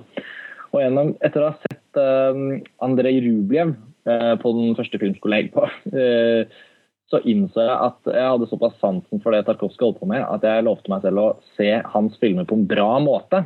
Antakeligvis antageligvis da på et cinematek liksom på lerret. Jeg skulle ikke se flere på VHS, fordi André Rieu ble bevist på VHS på en sånn uh, utrolig dårlig projektor, og jeg måtte se den igjen senere. Og det fikk jeg heldigvis gjort. Men så bare bestemte jeg meg for å se Tarkovskij på bra måte, fordi jeg har en følelse av at opplevelsen av å se de filmene kommer til å gjøre meg veldig, veldig godt. Men så av en eller annen merkelig grunn så har det aldri dukket opp gode muligheter til å se Tarkovskij-filmer for meg. Så derfor har Han er en av de største hullene i min filmhistoriske liksom, bakgrunn, eller hva man skal kalle det. Og jeg har ikke sett Stalker, så, og jeg vet nesten ingenting om den, så jeg er like blank som eh, noen av dere andre. Men, men også, Tarkovskij har, så vidt jeg så vet da, eh, et av store temaene hans er liksom, eh, så vidt, uten å ha sett for mange filmer, så er han veldig opptatt av hukommelse. Og, og det, det er jo noe som Sans Olay handler i veldig stor grad om.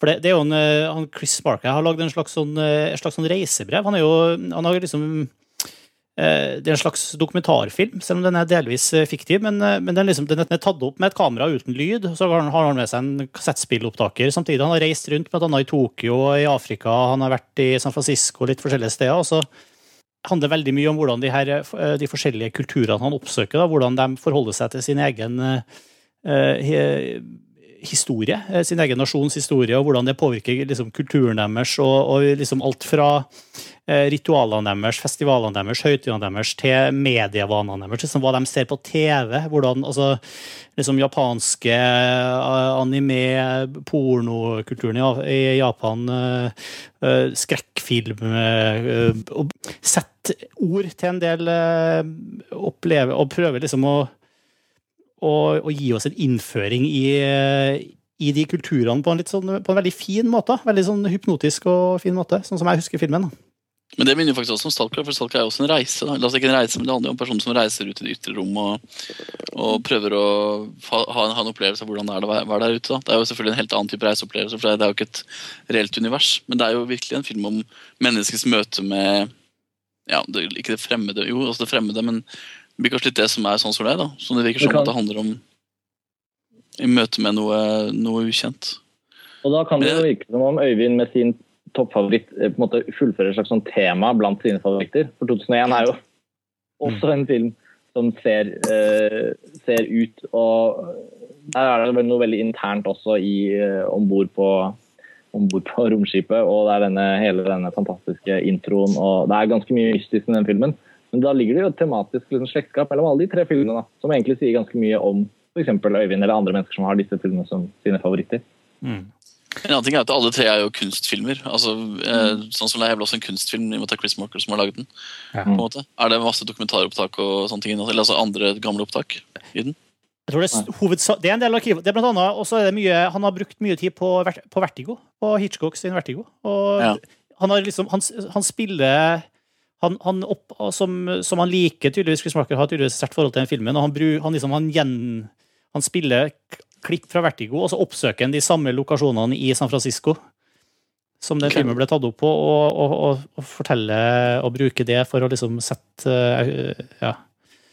Eh, Han, han bruker i hvert fall det som et virkemiddel. da. Men da er det jo det samme, altså Alle tre filmene har virkelig dette felles at de, de vi følger jo ingen ingen gjengse konvensjoner for en film, film, filmfortelling. De er på en måte mer eh, De er ikke formeksperimenter i det hele tatt. Men de er virkelig dypt personlige filmverk av tre ganske så særprega seg sjøl. Med ganske likt tematikk, virker det som, når vi snakker om alle tre sammen. Uh, Jeg fikk veldig lyst til å se opp igjen 2001. Jeg, faktisk, nå. Jeg har sett den. Det er en uh... Det kom en, kom en liten anbefaling også for eh, 2001-fans. Arthur C. Clarke skrev en bok som heter The Lost Worlds of 2001, som handler om hvor han beskriver prosessen uh, med å både skrive den opprinnelige historien filmen de ser på, og samarbeidet med Kubrick. Veldig uh, lettlest liten paperback som er veldig fascinerende egentlig, innblikk i prosessen med den filmen. The Lost Worlds of 2001. Takk for det. Er han eh, Døde han, eller? Er han, bor han fortsatt på en øy? eh, Han døde. Han døde nå for ikke så mange år siden. Altså. Ja. Mm. Nettopp. Ok, vi går videre på lista vår. Eh, neste innsender har sendt inn det klippet her, og her er det bare å følge med, for her, eh, her er det mange filmer. Hei, mitt navn er Erik Vågnes, og her er mine fem filmfavoritter. Nummer én Vertigo og Alfred Hitchcock, som er kanskje den mest presise beskrivelsen av manns ego og trang for dominans. Dette sammen med nydelige foto fra Bob Burks tidløs musikk av Bernard Herman gjør det til min absolutt favoritt. Nummer to er Der myde tåt av Fritz Lang, der han portretterer menneskelige følelser og vil reversere døden. I Fritz Langs nydelige film prøver en kvinne å få tilbake sin elskede fra døden, og døden er pers personifisert av eh, Bernhard Götzke, og han holder mannen hennes fange bak en stor mur.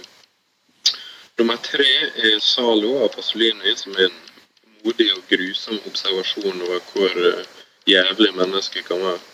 Og han viser at eh, innerst inne har vi pervertert instinkt, og hvis vi får fritt spillerom, lar vi dem slippe til. Dansen mot slutten av filmen er kanskje noe av det tristeste i hele filmhistorien. Nummer fire er 'Sjerkala på speilet av Tarkovskij. Her gjør han et kunststykke og representerer sine minner på en måte som faktisk får det til å føles ut som mine egne minner. Nummer fem er 'Sunrise of Murnau'. Eh, her er det det visuelle som er i hovedsetet. Altså det er å se 'Sunrise' som blir forheksa, akkurat som den mannlige hovedkarakteren blir. Ja, det var min fem filmfavoritter. Fem filmfavoritter der. Eh, Det var kanskje litt vanskelig å høre hva han sa. Og ikke hvilke som helst filmer heller. Nei, jeg skal gå, gå kjapt gjennom det for dem som ikke fikk med seg. Det var litt mye bakstyr og sånn der. Vertigo, Uh, Hitchcock 1958. Der myde Tåt 1921. Fritz Lang. Eh, Zalo 1975. Pasolini. Og eh, Speilet, nok en Tarkovskij-film, 1975. Og Sunrise 1927. eh, Murnau. Det skal jo sies her at vi, vi Det var jo veldig mange favoritter. Det var mange. Det er jo, det er jo bare én favoritt, eh, for det er jo førsteplassen. Mm. Bare for å ha sagt det. Så hvis det er noen som har sendt inn og syns det er leit at ikke de fikk sagt de fire andre filmene på listen sin, så Sånn er det. Men det var jo veldig spennende valg, da. Ja, det er litt. Vertigo og Tarkovskij knytta jo glatt inn i forrige, forrige innsenders eh. Jeg, jeg minner om at det er mange av de filmene jeg ikke har sett. da Jeg har ikke sett den Fritz Lang-filmen, og ikke Sunrise, og ikke Speilet. Ja, det er flere vi ikke har sett her, og det, er sånn, det vitner jo kanskje om at vi, vi må se oss litt bakover i historien også. Og jeg klarte jo da, når du nevnte Zalo før jeg hadde sett lista og skrivemåten, å tenke på noe helt annet. Og det er jo ikke bra. Eh, la oss ikke nevne det. Eh, Kari, Kari trodde du mente salt og salmiakk og kaffe. Ja, ja, det, ja. Fordi, ja, vet du hva, det var faktisk fordi at hun nevnte navnet Zalo som en eh, Tror jeg. Lurer på om hun gjorde det. Som en, en arbeidstittel. Eh, Vi kan, jo, vi, kan jo begynne med, vi kan jo begynne med Vertigo, da. Kanskje begynne på topp. Ja. Det kan vi gjøre. Og det er jo en helt fantastisk film. En av Hitchcocks tre beste, for meg. Men Det eneste som virkelig står igjen som bra i Vertigo, er egentlig musikken. er det ikke? Nei, den er bra på alle mulige måter. Den kan Ja. Forsvare. altså, Ja, det, den synes er helt uh, magisk. Jeg hadde sånn Hitchcock en slags sånn Hitchcock-raptus en periode. Hvor jeg så kanskje 15 Hitchcock-filmer, for jeg følte det var helt utrolig at jeg ikke hadde sett dem. Og det fikk jeg gjort. da. Og Vertigo er virkelig den som står seg best. Første gang jeg så den, var på 70 mm-festivalen. faktisk. Den, eh, jeg vet ikke hvor vi begynner med den. Jeg, for meg er den i hvert fall veldig, veldig viktig. Men um, har alle sett den, eller? Og hvilken, ja, den har vi vel sett. Og hvilken scenografi og hvilken stil. ja, Og hvilken eh, Ja, herregud. Hvis du tror liksom Mad Men eh, får til sent 50-tall, tidlig 60-tall, se Vertigo, liksom. Men det var ikke så vanskelig da, når den var tatt opp på 50-tallet. Hvilket hår! Ja, men ikke bare gjorde det. ja, det var ikke sånn. Ja, en veldig bra periodefilm fra samtida i 1958. Mm. veldig Nei, men bra. jeg bare- Vertigo er veldig, veldig god film. Ja, men nå vet vi, Jeg vet ikke heller hva slags eh, sånn fargesystem, om det er Technicolor eller noe lignende, men det har jo det derre klassiske knæsje, dypt saturerte fargene som bare så jeg, jeg husker liksom filmen mye mer visuelt, og også, også med et soundtrack av Bernard Herman, eh, enn enn jeg har liksom scener. Situasjoner har jeg ikke inn. Det er også veldig gøy at den fortsatt er sjangerdefinerende. Altså den føles, Det var tull jeg sa med sammen med musikken, altså, men den er, liksom fortsatt, den er fortsatt sjangerfrisk som film. Det er ganske eh, imponerende. Mm. 50 år etterpå. Nå måtte jeg faktisk telle om det var 50 år. Det er dårlig mått her. Men eh, for meg så er det faktisk det er musikken som spiller i hodet mitt. Jeg har heller ikke så veldig mange enkeltscener lenger i hodet mitt, men uh, musikken glemmer jeg aldri. Men, men altså James Stewart eh, i hovedrollen for eksempel, og Kim Novak som denne, eller de eh, kvinnene. Og, og, og, altså Jeg syns også historien har veldig vakkert over seg fordi den på en måte Han lider jo av denne mm, høydeskrekken, eller mm, Jo, det er høydeskrekk, ikke sant? Ja. Uh, og, filmen har jo fått oppkalt en type kamerabevegelse etter seg, hvor han, når han ser ned mot uh, avgrunnen, uh, så er kameraet på en måte både zoomer bakover og doll, dolly-kjører innover, og så får man sånn merkelig sånn der, hvor bildet på en måte bretter seg inn i seg selv-følelse. Og Det kalles nå vertigo-shotet, men i hvert fall uansett altså han, han, han har liksom en sånn der utrolig sår ting ved seg gjennom hele filmen eh, som jeg syns blir veldig rørende. Og det at Hitchcock klarer å lage en film som tar opp i seg kanskje det beste av hans kvaliteter, men ikke ender opp med å bli bare én type film. Han ble veldig kjent for liksom, litt sånne fikse krim, eh, filmer. Her er liksom, den har både et, et sort drama og en spenningsfilm, fordi man ikke helt skjønner hva det er som foregår. Det er en thriller, men det er også måte, en romantisk film. Jeg, jeg vet ikke, jeg liker så godt at den kombinerer så mye, men aldri går ut av sitt eget spor. Den, den skifter ikke visualitet på en unaturlig måte. Den introduserer aldri karakterer som virker der bare for å liksom, bringe plottet videre. Det er veldig sånn den jeg tror den må være veldig godt skrevet. Jeg er ikke noen ekspert på manus, men jeg tror det må ha vært en utrolig godt skrevet film. Ja, så har den, aldri- det har liksom de her Hitchcock-elementene som, som man forbinder med Hitchcock. De har liksom, den har liksom alt sammen. Mm. Og de for- forfølgelsessekvensene. Det er noe av det jeg husker best, med, med, også med Vertigo.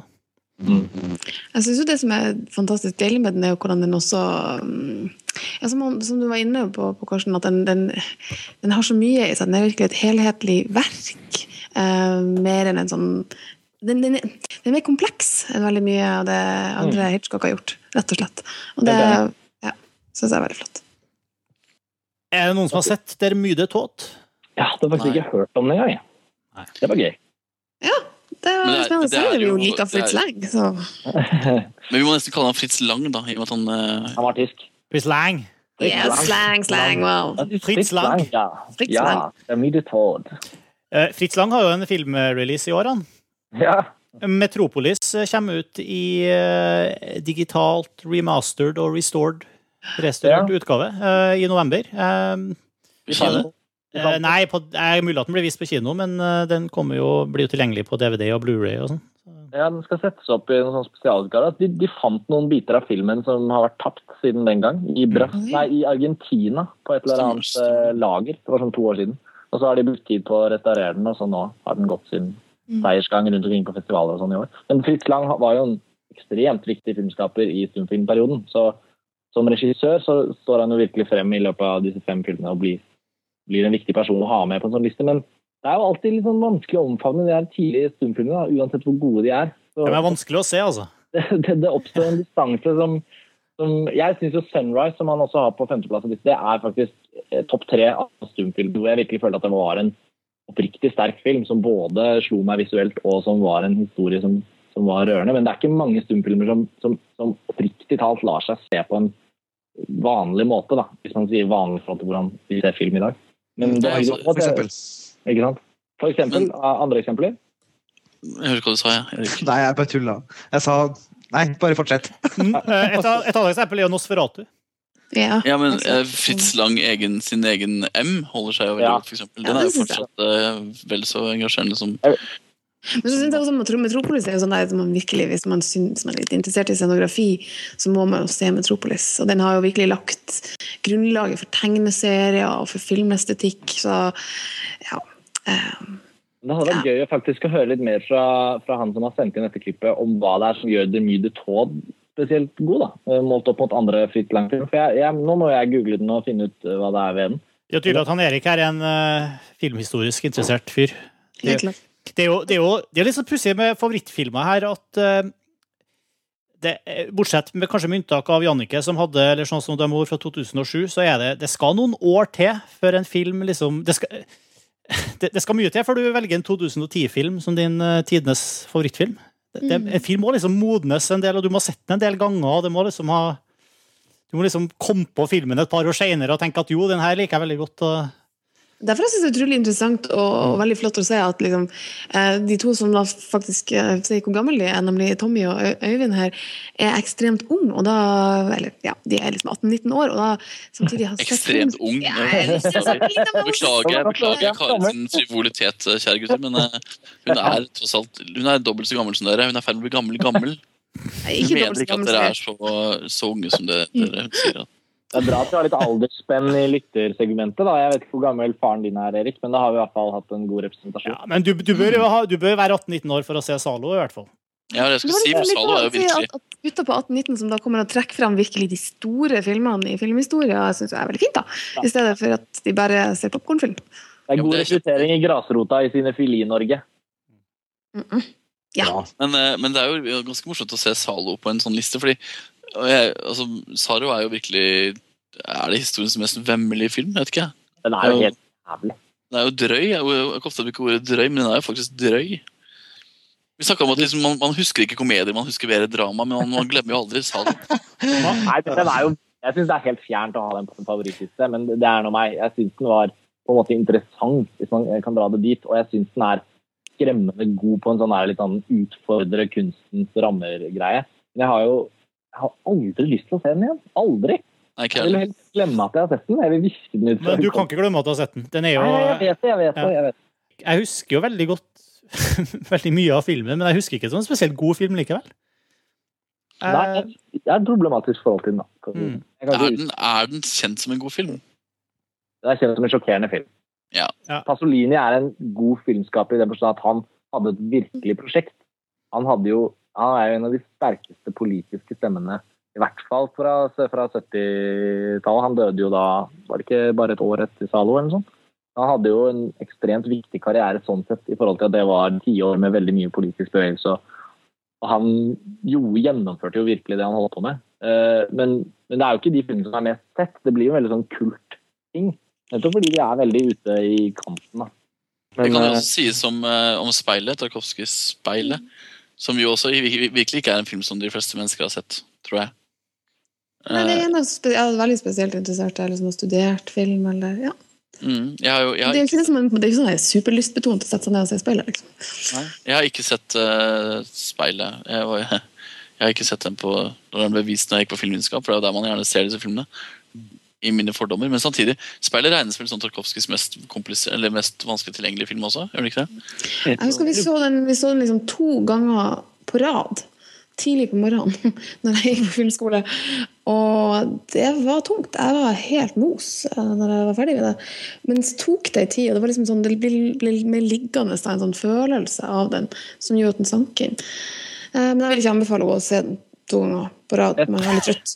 den, jeg bare må være litt tørr og kjedelig. Jeg tror den bare kalles Speil Ja, og på norsk. Uh, I hvert fall ifølge Wikipedia.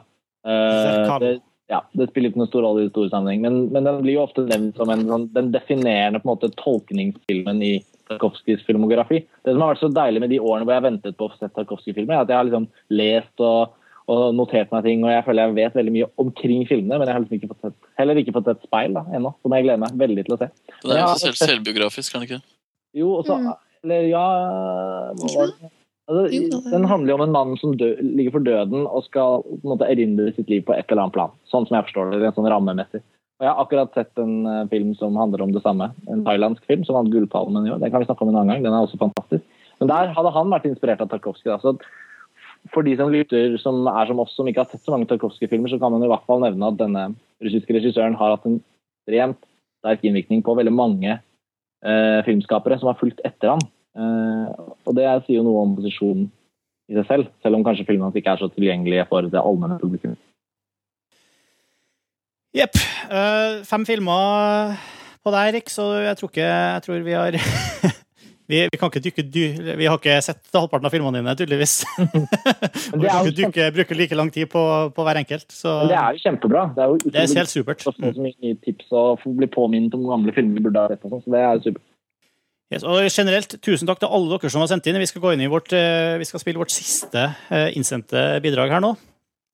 Det kommer nå. Mitt navn er eh, Bredo Møller og styrer i Sør-Varanger filmklubb. Det er vanskelig å nevne én favorittfilm, men eh, må man, så velger jeg å trekke fram Blade Runner. Det var en film jeg snek meg inn på Aladdin kino i Halden tidlig på 80-tallet. Og den satte dype spor i meg da. Jeg var nok altfor ung til å se en så voldsom film den gangen. Eh, Den har blitt stående som en bauta både hos meg og ellers i filmhistorien. Så jeg velger å nevne Blade Runner fra 1982.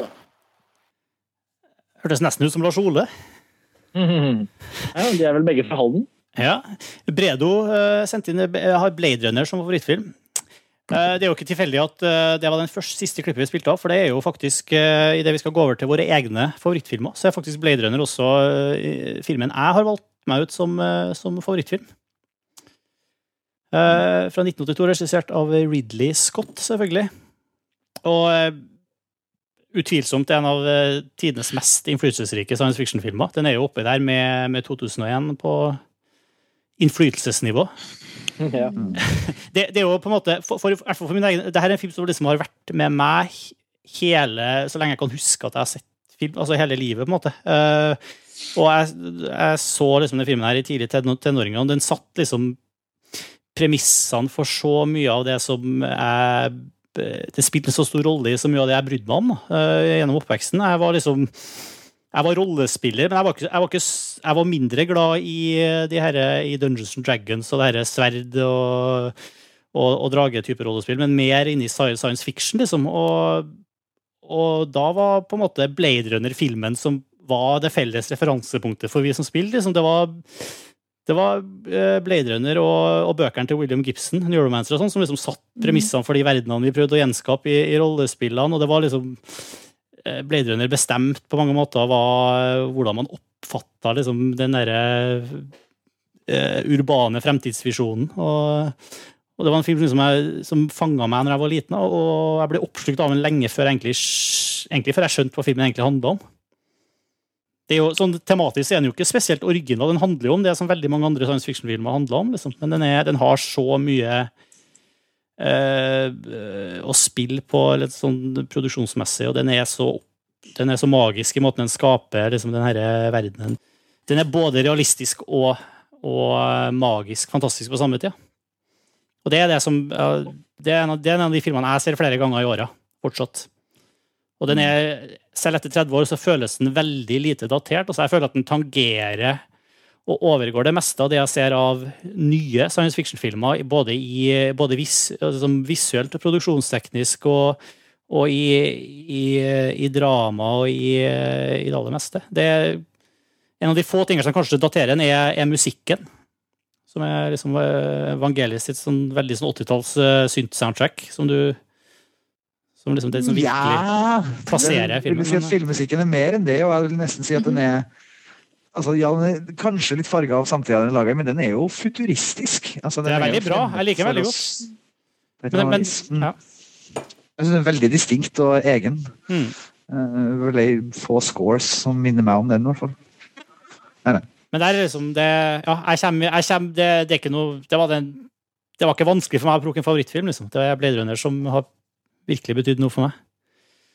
Det er morsomt også. Jeg har en lignende historie som det Bredo forteller her. Eh, om å, å dra på kino på tidlig 80-tall og se Blade Runner når man er for ung. For min tidligere siterte far han tok meg med, skulle ta meg med på Blade Runner når jeg var kanskje 8-9. Da var vel, snakker vi årstall 83-84, for da gikk jeg på filmklubben i Trondheim. Og da ble han vakta i døra og ble sånn usikker på om han kunne slippe oss inn. Eh, fordi jeg var ikke gammel nok til å se filmen, og jeg lurer på om jeg hadde kommet til å ha mareritt i flere tiår etterpå hvis jeg hadde sluppet inn og sett filmen i en alder av åtte. Eh, for det ville jo seg sånn til slutt at vi bestemte oss for ikke å se den. Eh, og da dro vi hjem igjen. Men Så jeg så den jeg så den på ungdomsskolen eller noe da, og ble selvfølgelig mektig imponert. Også, den kunne lett ha vært min toppfilm selv om den ikke er det. Og, og, den, og den siste utgaven som har kommet nå, den der Final Cut, som finnes i alle mulige varianter på Blu-ray og DVD, den er kjempebra. Altså, men sørg for å kjøpe minst todisk eh, DVD-en som har eh, alt det fantastiske ekstramaterialet. Ja, det, det er utrolig hvor mye making of-materiale de har klart å grave opp der, altså. Og, og, det, ja, og det er en film som alltid har hatt making of, og, og Mm. myte, vært en myteomspunnet produksjon lenge. Hvor mange cuts har de hatt? Det er ganske mange. Ja. Ja, det er, en, det er liksom som Star Wars. Det er alltid en eh, god, god unnskyldning til å se filmene på nytt.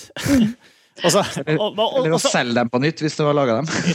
Og så er det jo liksom en I likhet med mange av de andre filmene vi har snakka om her, så er det en film som, som floppa under lansering, og som liksom er geniforklart og eh, har vist seg utrolig innflytelsesrik i etterkant. Mm. Jeg har litt, sånn, litt samme historie som deg, faktisk, Martin. Jeg har også vært eh, rollespiller, og, og den står seg som ekstremt viktig for måte, estetikken til science fiction. Og, og det som jeg syns ja, synes er så viktig å tenke på, det er at den står seg så godt rett og slett fordi den er gjort altså, den er gjort med smak. Det er noe med det at en del eh, Man kan snakke om, om tekniske løsninger eller hva som helst, men det å faktisk på en måte gjøre estetiske valg som man ser at, at kommer til å bli varig, er jo en egen kunst. Så jeg var også sånn som da hadde lyst til å se den på kino i Svolvær da jeg var lita, men jeg var først liten gutt. Så det måtte, måtte vente noen år. Og det er rart å egentlig ha på en måte vokst opp med å ha hatt forventninger til en film på den måten, og så få sett det, og så på en måte kan se den igjen og igjen og igjen likevel. Og bruke den som kulisse har jeg faktisk eh, opplevd å gjøre på, på eh, arrangement. Altså rett og slett fordi den ser jo så utrolig bra ut. Men det er, så veldig, det er så velspilt også. Det er liksom et eller annet, for det ordet vi leter etter som ikke har blitt sagt, ennå, er kanskje troverdighet. For En ting er realisme og magi, og sånt, men troverdighet at skuespillerne er karakterene sine. Karakterene tror på den verdenen de er i. Altså Det er så velregissert, veldig instruert. Det er helt vanvittig. Jeg sitter og lytter til det dere sier, og jeg er jo helt enig. Jeg, øh, jeg føler jeg har vært veldig snakksalig i denne podkasten, så jeg tenkte jeg skulle holde litt kjeft. Eh, Men den gang er Men, men Blade, nei, men jeg vil jo bare føye meg til. altså Blade Runner er en, er en Jeg har sagt det før om et par andre filmer, så nå blir det litt kjedelig. Men når man snakker om favorittfilmer, så dukker det opp så utrolig mye, mye bra. da. Den er også perfekt, liksom. Den er også det derre den, den, den har en skitten estetisk eh, sci-fi, liksom neon-estetikk-verden. Men, men det gjør den helt ypperlig, og akkurat det dere sier om det, liksom Åh, Det er liksom et sånt univers som bare, som bare er eh, helt enestående. Den er en enestående film, egentlig. Det er mye science fiction som prøver å etterape den, men ingenting kommer, kommer i nærheten. Eirik, du har vært snill. Mm, ja, nei, altså Jeg er også veldig glad i Blade Runner. Eh, jeg, så, jeg så den opp igjen på kino det var vel nå, nå var det Karsten? To år siden? Vi så den på Ja, da, ja, den, da den var kommet på DVD og Blu-ray, så var det en sånn eh, DCP-visning av den på Cinemateket. Ja. Ja, og det som, eh, det som egentlig det hovedsakelige som på en måte da viste seg å være så utrolig holdbart i filmen, er jo det som Erik sa nettopp med at den er så troverdig. Altså den, den er så troverdig, sånn, det er, den er et komplett univers. da. Jeg syns ofte science fiction-film bommer på at den ikke får til å være hele universet. Den blir vel ofte bare en del av det, og så kommer gjerne en siste akt. Sånn som i Sunshine av Danny Boyle eller i Moon fra i fjor. Så kommer det en sånn siste akt som måte tar lufta ut av ballongen og ødelegger hele science fiction-universet. Men denne filmen her, den greier å holde Den har veldig sånn stringent tematikk, og den holder tonen hele veien. da, hele, hele, hele, hele veien. Og så er den jo faktisk egentlig en ganske smal film. Den, jeg syns ikke at den er så veldig kommersiell. Den er en, et av Willy Scott sine kunstprosjekter når han på en måte er på sitt beste. Uh, og den føles som sånn, nesten sånn performance-forestilling også. Uh, vet ikke, den, er, den føles veldig eh, Ja, for det, det, den jo, det er jo veldig setting og konsept her. Det, det, og, ja, men samtidig, ja. samtidig så har den en tematikk som fortsatt overgår det. da. Altså den, den greier å spille på noe mer enn bare klassiske science fiction-visualiteten, som jo veldig mange filmer har. Den har en tematikk som er fortsatt er moderne. Den har skuespill som dere sa i stad, som fortsatt funker. Eh, og så har Den altså den er, og bare, den er fortsatt veldig veldig eh, eh, engasjerende som en fortelling, rett og slett. Føles, det føles fresh, hvis jeg kan si det. Ja, så det var både Bredo Møllers og min favorittfilm. Um, Karsten? Ja. Og nå til noe helt annet. Nå for something completely different. Ja. Ja. Hva, hva er din film, Karsten? Eh, Jeg, eh, jeg røpte det da vi presenterte topp 100-listen fra 00-tallet. Eh, Og da visste jeg det ikke selv engang. Jeg satt og skrev en tekst om en film som jeg hadde kjempet veldig hardt for, og som jeg visste jeg har et meget sterkt forhold til. Og mens jeg forsøkte å beskrive den filmen veldig kort og presist, så innså jeg at når alt kommer til alt, så er egentlig dette favorittfilmen min. Og det handler ikke så mye om kvalitet og historisk betydning og noen ting. Det handler bare om det personlige da, og opplevelsen og betydningen filmen har hatt for meg. Eh, Og den filmen det er en eh, tysk-tyrkisk film fra 2004 som heter Mot veggen, eller som heter Gegen Wand på tysk, eller Duvara karsu» på tyrkisk. Eh, Den er regissert av Fatih Akin. Han vant Gullbjørnen i Berlin eh, det året den eh, deltok der i konkurransen. Og Det er jo ikke en ukjent film. Jeg vet det er mange som har sett den, og den gikk veldig bra på kino i Norge. Den Den var faktisk på kino i Oslo i over et halvt år, fordi den hele tiden tiltrakk seg nye publikummere. Men selvfølgelig, tysk-tyrkiske filmer når ikke noe bredt publikum i Norge når alt kommer til alt. Den ble betydningsfull for meg fordi jeg er selv halvt tyrkisk. Faren min er fra Tyrkia. Og akkurat uh, da jeg så den første gangen, så var jeg uh, i Tyrkia uh, og jobbet på et prosjekt. Og jeg reiste sammen med faren min, og så gikk vi og så den filmen. Jeg hadde bare registrert at den vant Gullbjørnen, og som film er, så tenkte jeg denne skal vi se. Hvis vi skal se en tyrkisk film på kino her, så skal vi se det. Men den viste seg også å være en veldig tysk film. Og den var med tyrkisk undertekst, så jeg opplevde egentlig ikke teksten eller innholdet så veldig presist. Jeg bare opplevde en film som hadde en sånn ekstremt smittsom energi, og som hadde en fryktelig tragisk og fryktelig engasjerende kjærlighetshistorie. Og Den handlet om Europa, og den handlet om mennesker jeg kunne relatere meg veldig til. Og den er veldig nåtidig. da. Jeg vil si den er det ennå, nå er det seks år siden. men den hadde en sånn følelse at den bare var på pulsen av de tingene som foregikk. Og det var samtidig ting jeg tenkte veldig mye over akkurat da i livet mitt. Siden da så har jeg sett den flere og flere ganger, øh, og Fatih Akin har kommet med nye, gode filmer.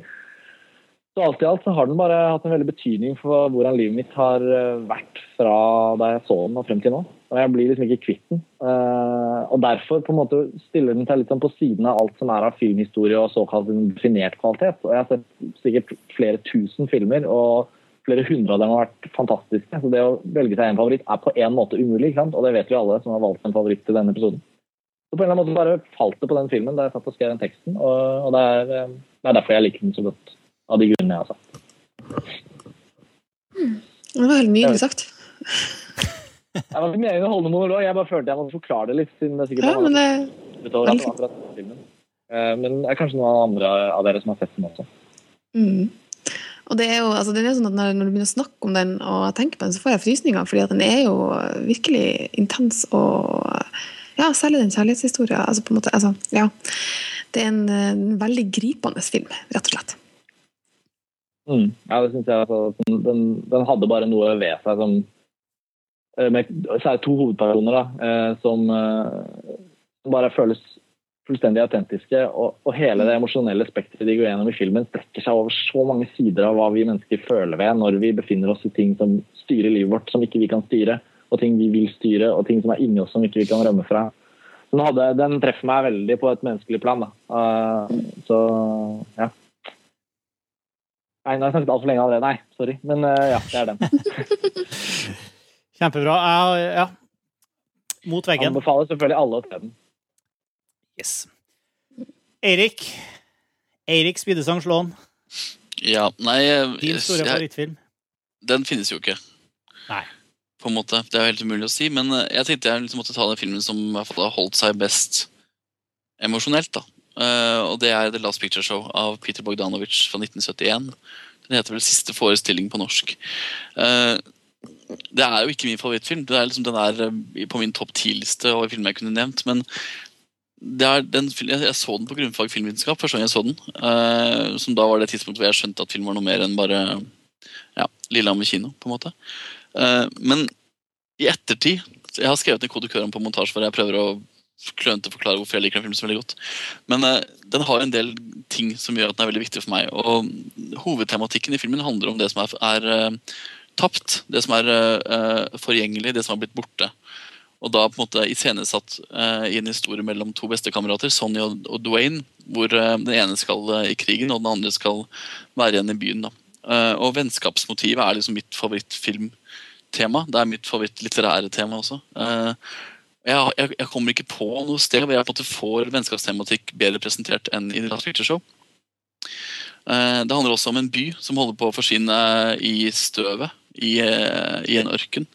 Um, eksemplifisert med en kino som må legges ned, fordi det er ingen som lenger går og ser kino. Så eh, eieren eh, han selger ikke billetter. Så først så sparker han billettøren, og så må han legge ned kinoen. Og det er jo på en måte, Når man er cinefil og virkelig lidenskapelig besatt av film, så er det jo ingenting tristere enn en kino som må legges ned. Og da kinoen satt i sammenheng med bestevenner som må forlate hverandre, da, da sitter jeg og gri- gråt, gråter i to timer.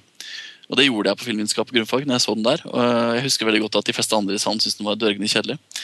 Men jeg synes den var veldig veldig bra. Jeg har sett den opp igjen i hvert fall en gang i året siden da. Og den blir egentlig bare bedre og bedre, fordi ettersom jeg blir mer og mer voksen, så skjønner jeg jo på en måte mer av hva Peter Bogdanovich prøver å fortelle.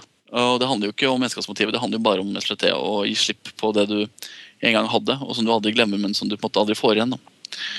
Den er skutt i svart-hvitt, eh, som jo er et litt sært valg i 1971. Eh, et valg som ble påvirka av Orson Welles i sin tid overfor Peter Bogdanovich.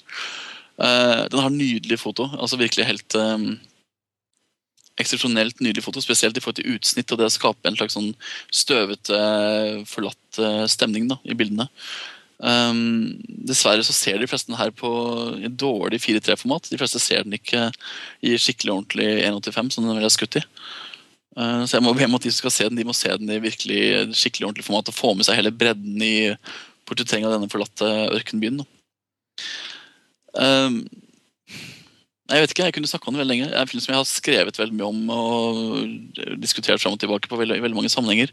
Men den melankolske følelsen i Last Picture Show sitter i meg veldig. veldig. Og det er derfor så er det den filmen jeg på en måte alltid kommer tilbake til. Da, for å si det litt enkelt. Det er en fryktelig fin film. Jeg er enig i alt du sa.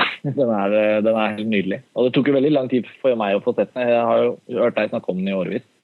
Men eh, når man først setter seg ned og ser den filmen, så skjønner man hva det handler om. Synd at Bogdanovic på en måte ikke helt Jeg, så- jeg så den filmen her etter at, på din anbefaling, Erik.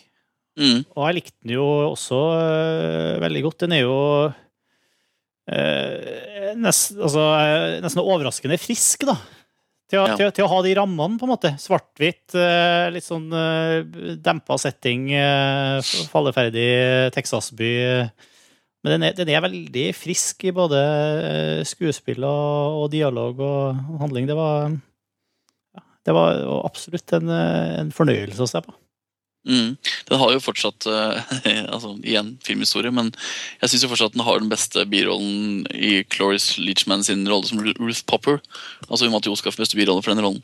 Um, og Det handler kanskje litt om det du snakker om, det med det sånn friske, at den fortsatt føles veldig sånn troverdig. da. Eh, denne karakteren her er jo en tydelig forgjenger for eh, Francis Conroys rollekarakter i Six Feet Under, som sikkert mange har sett. Eh, nesten helt identisk karakter, faktisk. Både i valg av skuespiller og i, i historie. Eh, men det er liksom, det er en film som ah, det er et ensembledrama, rett og slett. Med veldig mange store subplott som får veldig lite oppmerksomhet, men som du samtidig kan utbrodere veldig selv, fordi det er så utrolig det er så gestalta skuespillermessig at du, du forstår alle fasetter og alle, alle rynker i ansiktet på skuespilleren er liksom bare har en historie.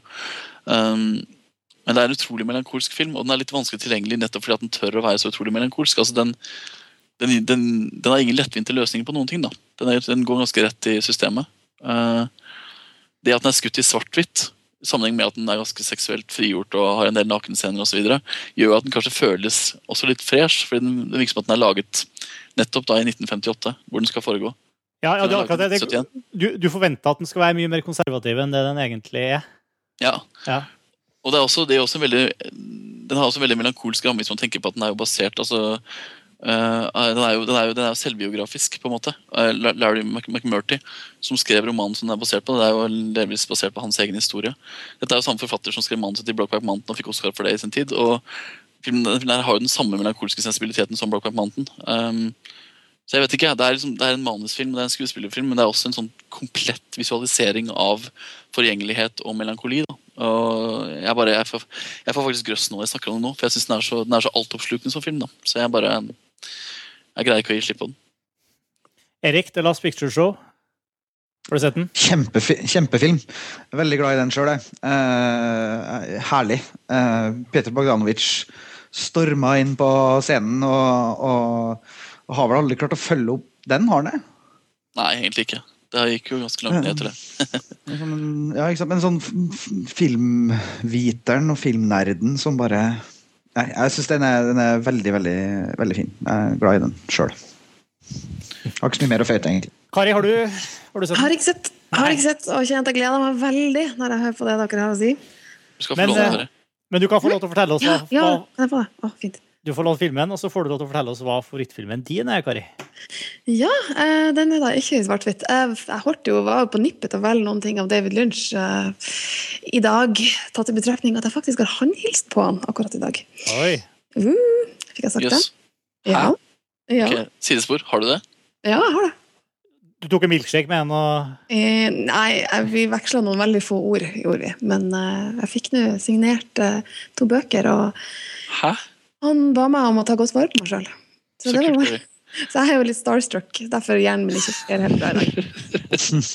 Som dere kanskje har hørt tidligere i podkasten. Men du kom, du kom til fornuft og valgte en annen film. Ja, og så velger du ikke en David Lynch-film. Nei, sånn sett så burde jeg jo tatt en David Lynch-film. Han hører jo helt klart hjemme på ei liste over eh, ja, våre favoritter. For han lager jo filmer som man på en måte kan elske eller hate, eller Men ja. Hos meg, da, i stor grad elsk. Men den som jeg plukka ut, og det er jo litt, kanskje litt sånn Kanskje blir jeg et slags hakk i plata, men det er jo en film som der det har med så mye mer enn eh, filmen sin si, objektive kvalitet å gjøre, men mer sånn rent subjektivt eh, bare en film jeg er fryktelig glad i. Og det er 'De fortapte barns by' av eh, Jean-Pierre Genet. Den er ikke svart-hvitt. Nei, den er veldig eh, måte, sterke farger. En veldig monokromatisk fargepalett, fordi at det, måte, den holder seg stort sett til eh, grønt. Veldig mye grønt, og en del rødt. Eh, den er veldig mørk. Eh, har en veldig sånn mørk estetikk, og det er jo nettopp det jeg elsker. Altså, en ting er jo eh, noe som jeg syns er veldig viktig å snakke om, det er jo det at film som musikk eh, gjerne kan settes inn i altså er jo en del av livene våre. Når man er opptatt av det, så har man gjerne minner knytta til det. Man ser en film i en epoke der man kanskje utvikler seg eller opplever noe spesielt. For meg så var det jo virkelig da hadde en gryende filminteresse og en gryende interesse for den typen film. altså Eventyr, eh, det som på en måte det å skape egne universer. Eh, har vært veldig viktig for meg, og særlig på en måte i, i den perioden. da det her er på slutten av 90-tallet. Og ikke sant, også sånn film som jeg så sammen med min første kjæreste. og i det tatt. Um, og det som jeg syns er så fantastisk, er jo Jeg synes historien er veldig rørende. Jeg synes karakterene er flott. Jeg synes tematikken er nydelig. Jeg synes det, det er deilig å se en film hvor uh, hvor det å være Altså hvor uskyld eh, tematiseres på en ganske Hva skal jeg si Det er en brutal måte, selv om de. Eh, noen av karakterene bare er, er ny, nydelig naiv. Eh, særlig Ron Perlman sin karakter.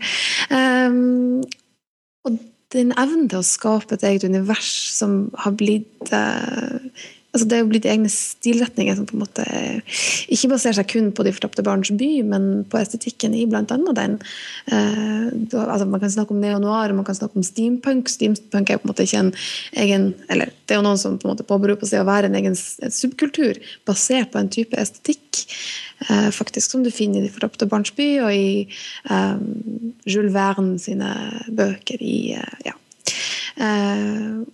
Og den har likhetstrekk med eksempel, ja, jo, likhetstrekk med Dark City, som jeg også synes har, står for meg som en veldig viktig film da, i, i min oppvekst.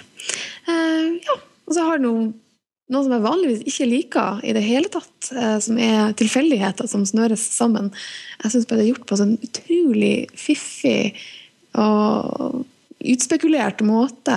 Jeg liker særhetene i filmen. Jeg liker, jeg liker eventyret. Jeg liker det at det er en, en reise inn i en drøm, på mange måter. Jeg er veldig enig, Kari. Det er en film som ja, Kari jeg har snakka mye om De fortatte barns by. Det er noe vakkert. Ja. Det er en film som, Jeg har også sett den filmen veldig veldig høyt. Mest av alt fordi det er en film som en av de få filmene hvor eh, en filmskaper virkelig får lov til å gjøre akkurat hva han, har- hva han vil, da, og lykkes med det. på en måte. Jeg syns forresten vi skal nevne Jeg sa Jean-Pierre Genet, men det er jo Jean-Pierre Genet og Marc Marcaro. Det Fordi er er, viktig, fordi han, altså Jean-Pierre Jeunet har jo kanskje mista litt brodden etter hvert. Og mange vil jo påstå at det var Marc Caro som virkelig tilførte surrealismen. og tilførte vet ikke jeg, eh, anarkiet i eh, Ja, det er det som er, det er, liksom, det er noe med den, altså det er jo en råhet som er til stede i, i surrealismen der som du ikke har i Genet sine senere filmer. Og så er det jo en film som handler om en fyr som slett kidnapper barn for å stjele drømmene deres. for Han kan ikke drømme selv. Mm. Jeg mener Det er et ganske voldelig plott. Ja, det er veldig voldelig. Uh, men det er ja, viktig. Jeg synes, Ja, ja, jeg synes men altså, Det er veldig interessant, fordi De flotte marsjby er jo en av de filmene som blir sånne komplette kunstverk som man kan sitte og trekke ut enkeltelementer og plassere alle stilsene på veggen og alle disse klisjeene som handler om visuelle filmer. da. Men samtidig så er den så utrolig underfundig, og jeg syns den har ganske mye bra filosofi. da. Jeg liker, altså Veldig mange avfeier den filmen her som en lettkjøpt visuell film. altså at Den liksom bare er en slags visuell unnskyldning. da. Men jeg syns den har veldig mye, mye bra å si, rett og slett. På sin egne absurde måte, selvfølgelig.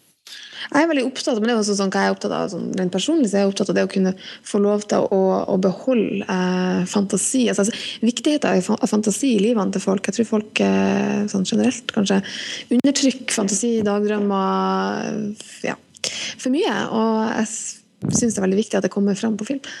Ja, og så er det viktig at filmskapere som faktisk altså, Det er viktig at filmskapere får dyrke fantasiene sine fullt ut. Eh, Om det så er Nin- Ninja-troppen eller om det er, eh, om det er Fortatt om Marsby. Det er helt det er helt essensielt for å holde liv i filmen som, altså filmen som visuelt medium. At man får lov. Og Jean-Pierre Jeunet er jo en av de største på det. Han har jo vært det siden han debuterte med, med kortfilmer og novellefilmer og sånne små underfundigheter. Men altså, jeg håper jo at Marcaro og Jeunet lager film sammen igjen. Er, er, er, de, er de uvenner?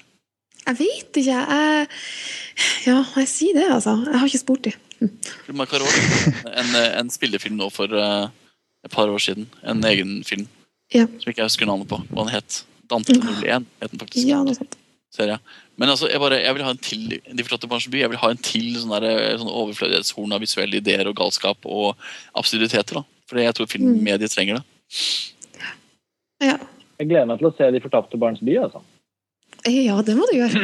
Uhu. Du kan få låne den! Du kan få låne den, ja. Hopp, hopp. Ja da. Det er fint. Det er fint. Da kommer det til overflaten, så er det litt, sånn, litt lettere å snakke om det. Ja, det er bare jeg som for en gangs altså, ja, Takk, takk Karsten. For Martin og Erik, dere har sett den? Ja, jeg har sett den. Ja, ja, ja, ja. Og jeg syns også den var kjempebra. Men den er ikke liksom i toppsjiktet for meg, og, og det tror jeg handler om det du sa innledningsvis, eh, Kari. At, at eh, film eh, er altså personlig opplevelse veldig mye også. I forhold til hvilken omstendighet, hvilken generasjon er vi i eh, når vi ser dem. Um, og jeg husker den som husker den som eh, gjorde sterkt inntrykk på meg også, men, men, men ikke, på, ikke på den måten at den er liksom topp fem eller topp ti. Eh, så det er veldig Det å snakke om favorittene våre, som vi gjør nå, det handler jo også om å, om å eh, altså, Som du også sa, Karsten, at det, det handler jo om eh, Først og fremst om emosjonelle ting, eller ting som var der og da, filmopplevelse, som blir fryktelig vanskelig å eh, altså, Det er helt individuelt, da. Ja. Det Jeg viser synes også det er veldig, veldig viktig å ta høyde for, altså. Mm. Ja. Filmen skapes i møte med sitt publikum, som er også en litt sånn filmvitenskap-klisjé. Men eh, Det det er sånn- I likhet med all kunst. Ja. En annen ting, veldig viktig ting for meg med De fortapte barns by, er at jeg har likeens bukse som Ron eh, Ron Perlman i filmen. Uh. Kostymene er jo designa av eh, Jean-Paul Gaultier, men akkurat den buksa er jo bare ei gammel matrosbukse. Veldig fin. Ok. Ja, Og, og, med, og med det så Nå, nå, nå ga Martin den mest sånn der fnysete sånn der herregud. What a geek. Martin, Det er jo egentlig veldig nerdete å ha Jo, Nei, men det Altså, hvis folk kan drive og kjøpe actionfigurer, så kan vel jeg få lov til å gå i samme bukse jeg syns det er kjempekult. Jeg skal kjøpe samme bukse. Apropos actionfigurer. Martin, vær så god. Ja. Nemlig. Nei, nei altså alt, alt bygger nå opp til Erik Vågel, selvfølgelig. Og Erik Vågels favorittfilm. Tidenes Ja. film. Erik, hva er verdens beste film? Verdens beste film eh, ble laga i 1980 av en eh, regissør som heter Irving Kershner. Eh, og Den heter Star Wars episode 5, The Empire Strikes Back. Eh, og det er selvfølgelig det, er liksom ingen over, ingen ved sida for min del. Og det handler nettopp om hvem var jeg da jeg så den filmen. Hvilken omstendighet så jeg filmen under. Det handler om helt sånn personlige ting på en måte. da. Eh, altså Det er den ultimate romfantasien. Eh, og, og, og det handler egentlig om å, om å, i hvert fall for min del, om å, om å virkelig, virkelig bli tatt med til et annet sted enn det man har rundt seg. Som i mitt tilfelle var en eh, sliten kommunal gymsal i Klæbu kommunehus. eh, hvor bygdekinoen kom på besøk. For det var som, jeg tror, jeg, En historie som jeg helt sikkert har fortalt på Filmfrelst før også, men, men, eh, men den derre bygdekinoen, altså. Fordi den, den var så langt etter i distribusjonen av filmene. altså Empire Strikes Back kom ikke til bygda mi før jeg tror, jeg tror eh, Det er litt fussy sånn minnemessig, men jeg tror jeg så Return of the Jedi på kino når den kom. Og så så jeg Empire Strikes Back etterpå. Så så, og så etter det igjen så jeg den første Star Wars-filmen. Uh, A New Hope. Eh, Men det var ingen eh, Så jeg tror allerede jeg var ganske stor Star Wars-fan i den alderen jeg da var i sånn 8-9-årsalderen igjen. Eh, påvirkelig, men, eh, men herregud, den er solid, den filmen. Og i hvert fall som skapt for å nøre opp under liksom fantasifullheten og, og drømmene til en, til en åtte-niåring. Eh, så det handler jo egentlig mest om kanskje om timing. Altså, for det er et eller annet med sånn som når dere kåra eh, og snakka om eh, 'Ringenes herre' i den eh, topp 00-tallet s- maratonsendinga på Filmfrelst, så tror jeg det også handler om en sånn generasjonsting. For jeg er litt grann eldre enn de fleste av dere. Eh, og jeg er spent på om du, Martin, du, vi er, vi er vel jevnaldrende. Født på midten av 70-tallet. Jeg var Eh, fire år da The Empire Strikes Back gikk på kino. men, men bare at det var liksom tregheten i norsk kinodistribusjon som gjorde at jeg kunne se den på stort lerret. Uh, hvis du skjønner. Så det som var det geniale med det. Men, men uh, altså, det er en film som som selvfølgelig det er en oppfølger, og, og den, uh, den, den, den, bare, altså, nei, den bare knuser originalen, mener jeg. da. Eh, men det er jo selvfølgelig en forutsetning at du er tror jeg da, at du er liksom kjent med det universet fra før, at du går inn i det med litt forhåndskunnskap for å få den opplevelsen. Men det som jeg synes den, jeg har prøvd å tenke nå eh, i dagene som var leda opp til den sendinga, hva er det liksom men Ok, greit, man kan si at man ble fjetra som, eh, som barn, liksom, men hva er det som gjør at den fortsatt liksom ek ekkoet går i bakskallen enda, liksom? Eh, det tror jeg handler om at om at den, den viser en ting å bli tatt med til et helt annet sted. Å være med på et eventyr, en skikkelig helte, eh, heltereise. Men, men på den andre sida er det også altså det er en film som viser egentlig uh, det, eller liksom kanten av et univers som er utrolig mye større enn det som er i filmen. Hvor vi som ser filmen, fyller inn veldig mye ekstra sjøl. Uh, bare som et eksempel, den sekvensen hvor hvor imperiet har, eh, har kalt sammen en hel haug med sånne hodejegere som skal jakte på opprørerne.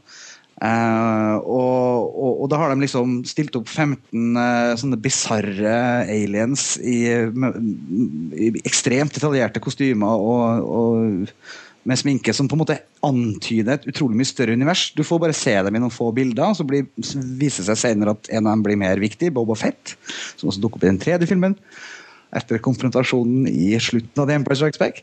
Eh, men eh, men altså, det er sånne ting som, som, som Kirshner eh, Det han gjør med Lucas sitt univers, som, som gjør det bedre enn Lucas sjøl i den første filmen. Nemlig det med at vi ser liksom kanten av noe mye større enn det som faktisk er på lerretet. Og da er det vi som publikummere som fyller inn resten. Og det er sånne altså, det er store følelser, og det, og det er kjempetvist på slutten. eh, altså, for alle som eh, husker diskusjonen om Sixth Sense, eller Sjette sansen. Den store tvisten i Den sjette sansen eh, hvor, som, eh, som publikum skulle holde på. Det samme var det jo med The Empire Strikes Back i forhold til den store avsløringa på slutten der. Om eh, slektskapet mellom Darth Vader og, og Luke Skywalker. Å nei, nei, en- spoila det! Der spoila det! Ja, nok en far og sønn-film. Men det er få som, det er få som kanskje sliter like mye med opphavet sitt som det Luke Skywalker gjør. da. Å ha en sånn galaktisk eh, tyrann som far er jo selvfølgelig noe ikke så veldig mange kjenner seg igjen i, sånn i utgangspunktet i hvert fall. Men alle er jo Eh. slekt i Star Wars. De er jo det. Det er jo en familiesaga. Ja, men det er jo det. Det er en familiesaga. Og, og øh, Ja, men hva, hva liksom Han er jo, altså, forhold Luke Skywalker er jo Loke, men det var så. Enn det? Nei, Luke, Ja. Loke? Nei. Loke er jo mye smartere. Ja, det er han. Helt klart. Nei, Luke, men, det Luke, sånn- Luke Skywalker er jo, er jo Keanu Reeves eh, i Matrix. Han er jo Han er jo brødet i Ja. den fantastiske historien. liksom.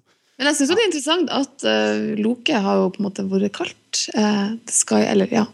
Ja, nei, um, uansett. Eh, la oss ikke gå inn i en dypere diskusjon her. Luke Skywalker er altfor dum til å være Loke. Ja, men, altså, kar kar men karakterene er jo selvfølgelig og, og, og eh, Altså, det er jo det er jo stjålet fra, fra mytologier, altså eh, Ja, det kjenner vi til. Men, men, men eh, hva er deres forhold til den filmen? Fordi, fordi eh, Er det bare meg, liksom? Tja, altså, jeg har jo da klint til den filmen. Det var over, selvfølgelig ikke i 1980, så gammel er jeg da virkelig ikke. Det var kanskje mer et symptom på at jeg liker geekete gutter, men nei, det er jo en Så det er jo en ting at det er jo en film for alle gutter og for alle jenter som har en storebror.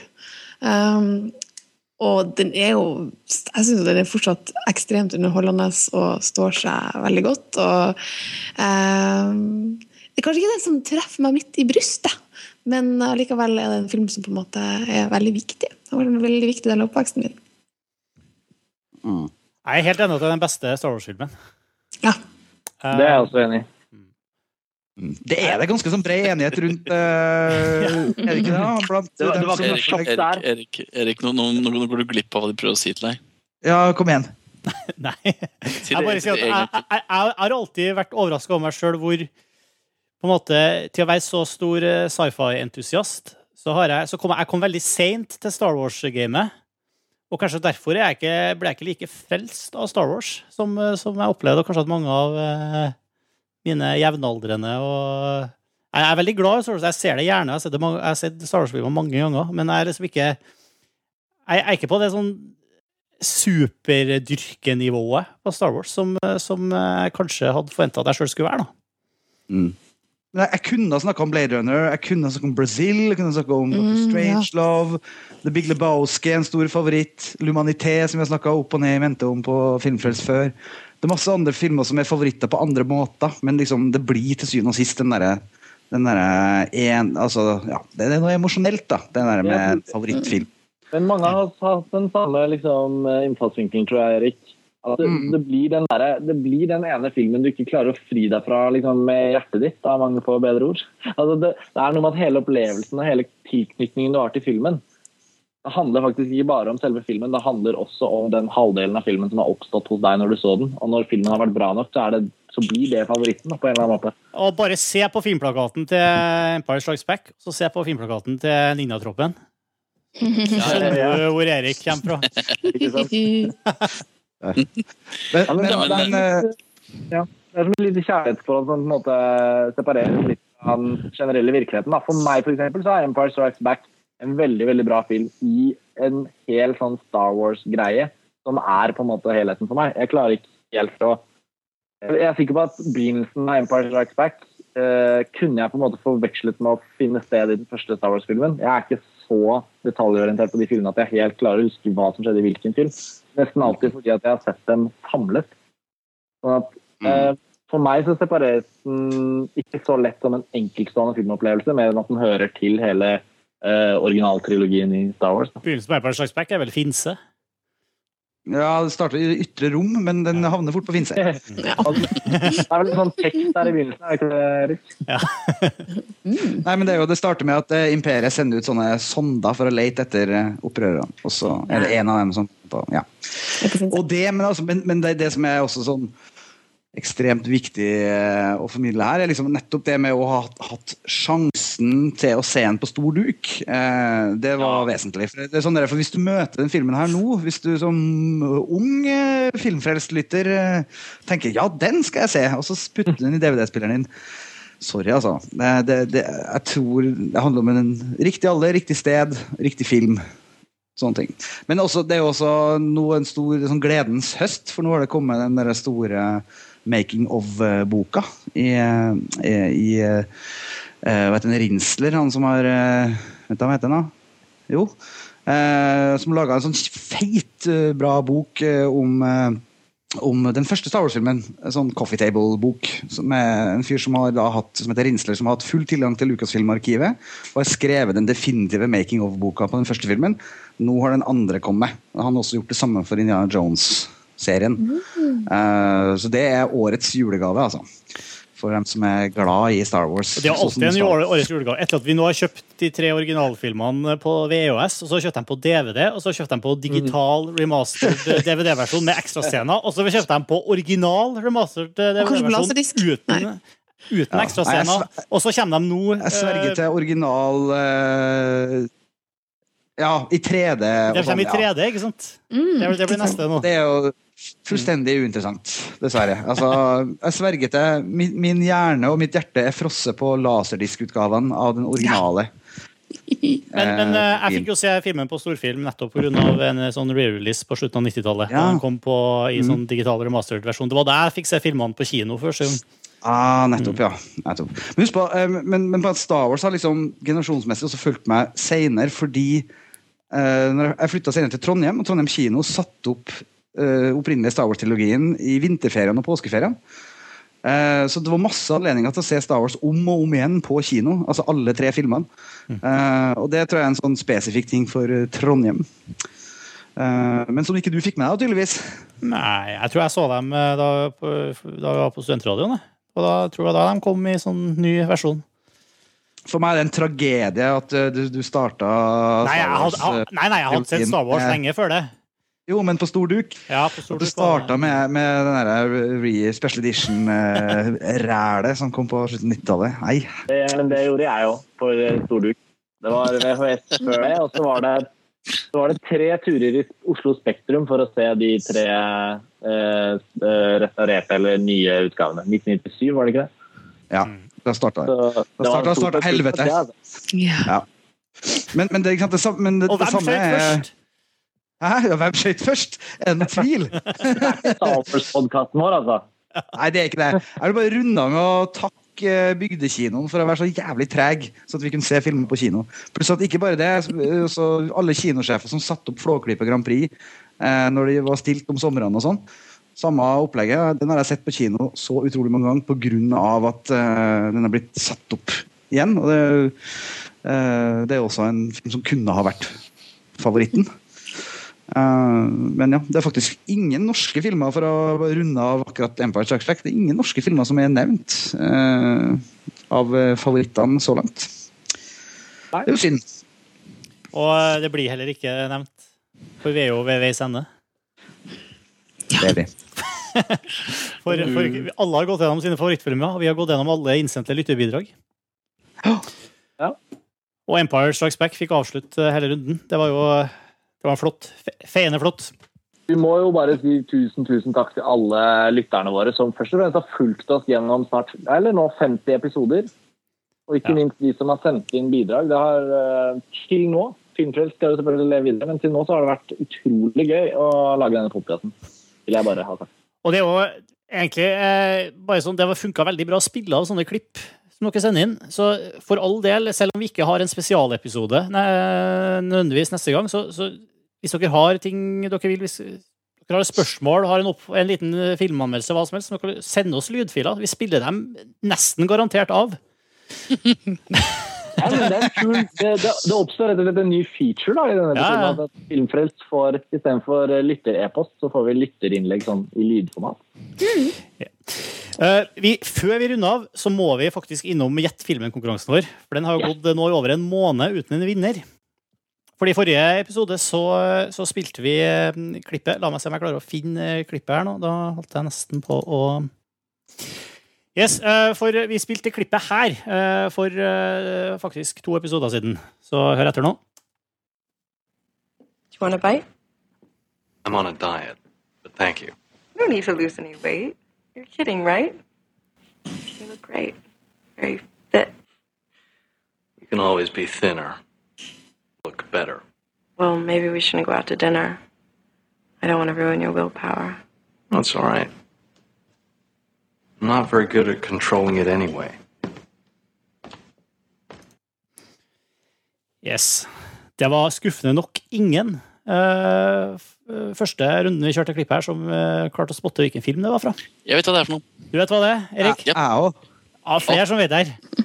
Ja, kom igjen, Erik. Du var, du var først ut. Du trykka på American først. Psycho. American, American Psycho. Det er selvfølgelig helt korrekt. Bale, Det kunne jeg høre. Ja, umiskjennelig. Ja. Ja. Så derfor, det, Jeg trodde det var en veldig lett film, der, og det var det tydeligvis, for vi fikk veldig mange uh, rette innsendte svar nå andre runde vi kjørte klippet. Og vinneren uh, ble Øyvind Hellenes. Hei, han sendte sin favoritt òg. Hey! Så kult. Dobbel applaus for Øyvind. Og det, han har faktisk nevnt da i mailen han sendte inn at uh, American Psycho er også en av favorittfilmene hans. Og det er jo Det er en skikkelig god film. og en veldig god film. Ja, Det er en bra film. En T-skjorte, montasje-T-skjorte på vei til deg, Øyvind. Vi eh, har et eh, nytt klipp for episoden her, så det er bare å spisse ørene og høre om dere kjenner igjen eh, hvilken film det klippet her er fra.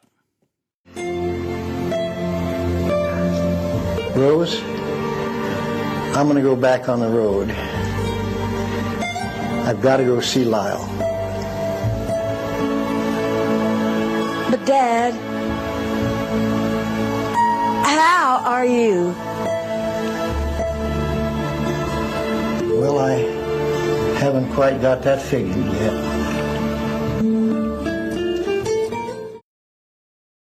Og eh, det var klippet. Hvis Det var dere ikke en av mine favorittfilmer. Ikke si det. Ingen spoilers her nå. Hvis, eh, altså, hvis dere klarte å gjenkjenne filmen, så send oss en eh, mail. Konkurranse Filmfrelst episode 50 skriver dere i emnefeltet, og sender til filmfrelst at montasj.no. Eh, oppgi i tillegg til tittelen på filmen, så oppgjør dere også postadressen deres og hvilken eh, T-skjortestørrelse dere ønsker dere hvis dere skulle vinne. Så det var det. Eh, da tror jeg faktisk vi er ferdige. Det høres sånn ut. Dette har vært en fornøyelse. Det var kjempegøy. Det må gjøre igjen. Og gratulerer alle sammen med 50 podkaster. Gratulerer. Neste episode så skal vi ha topp 100 stum, stumfilm.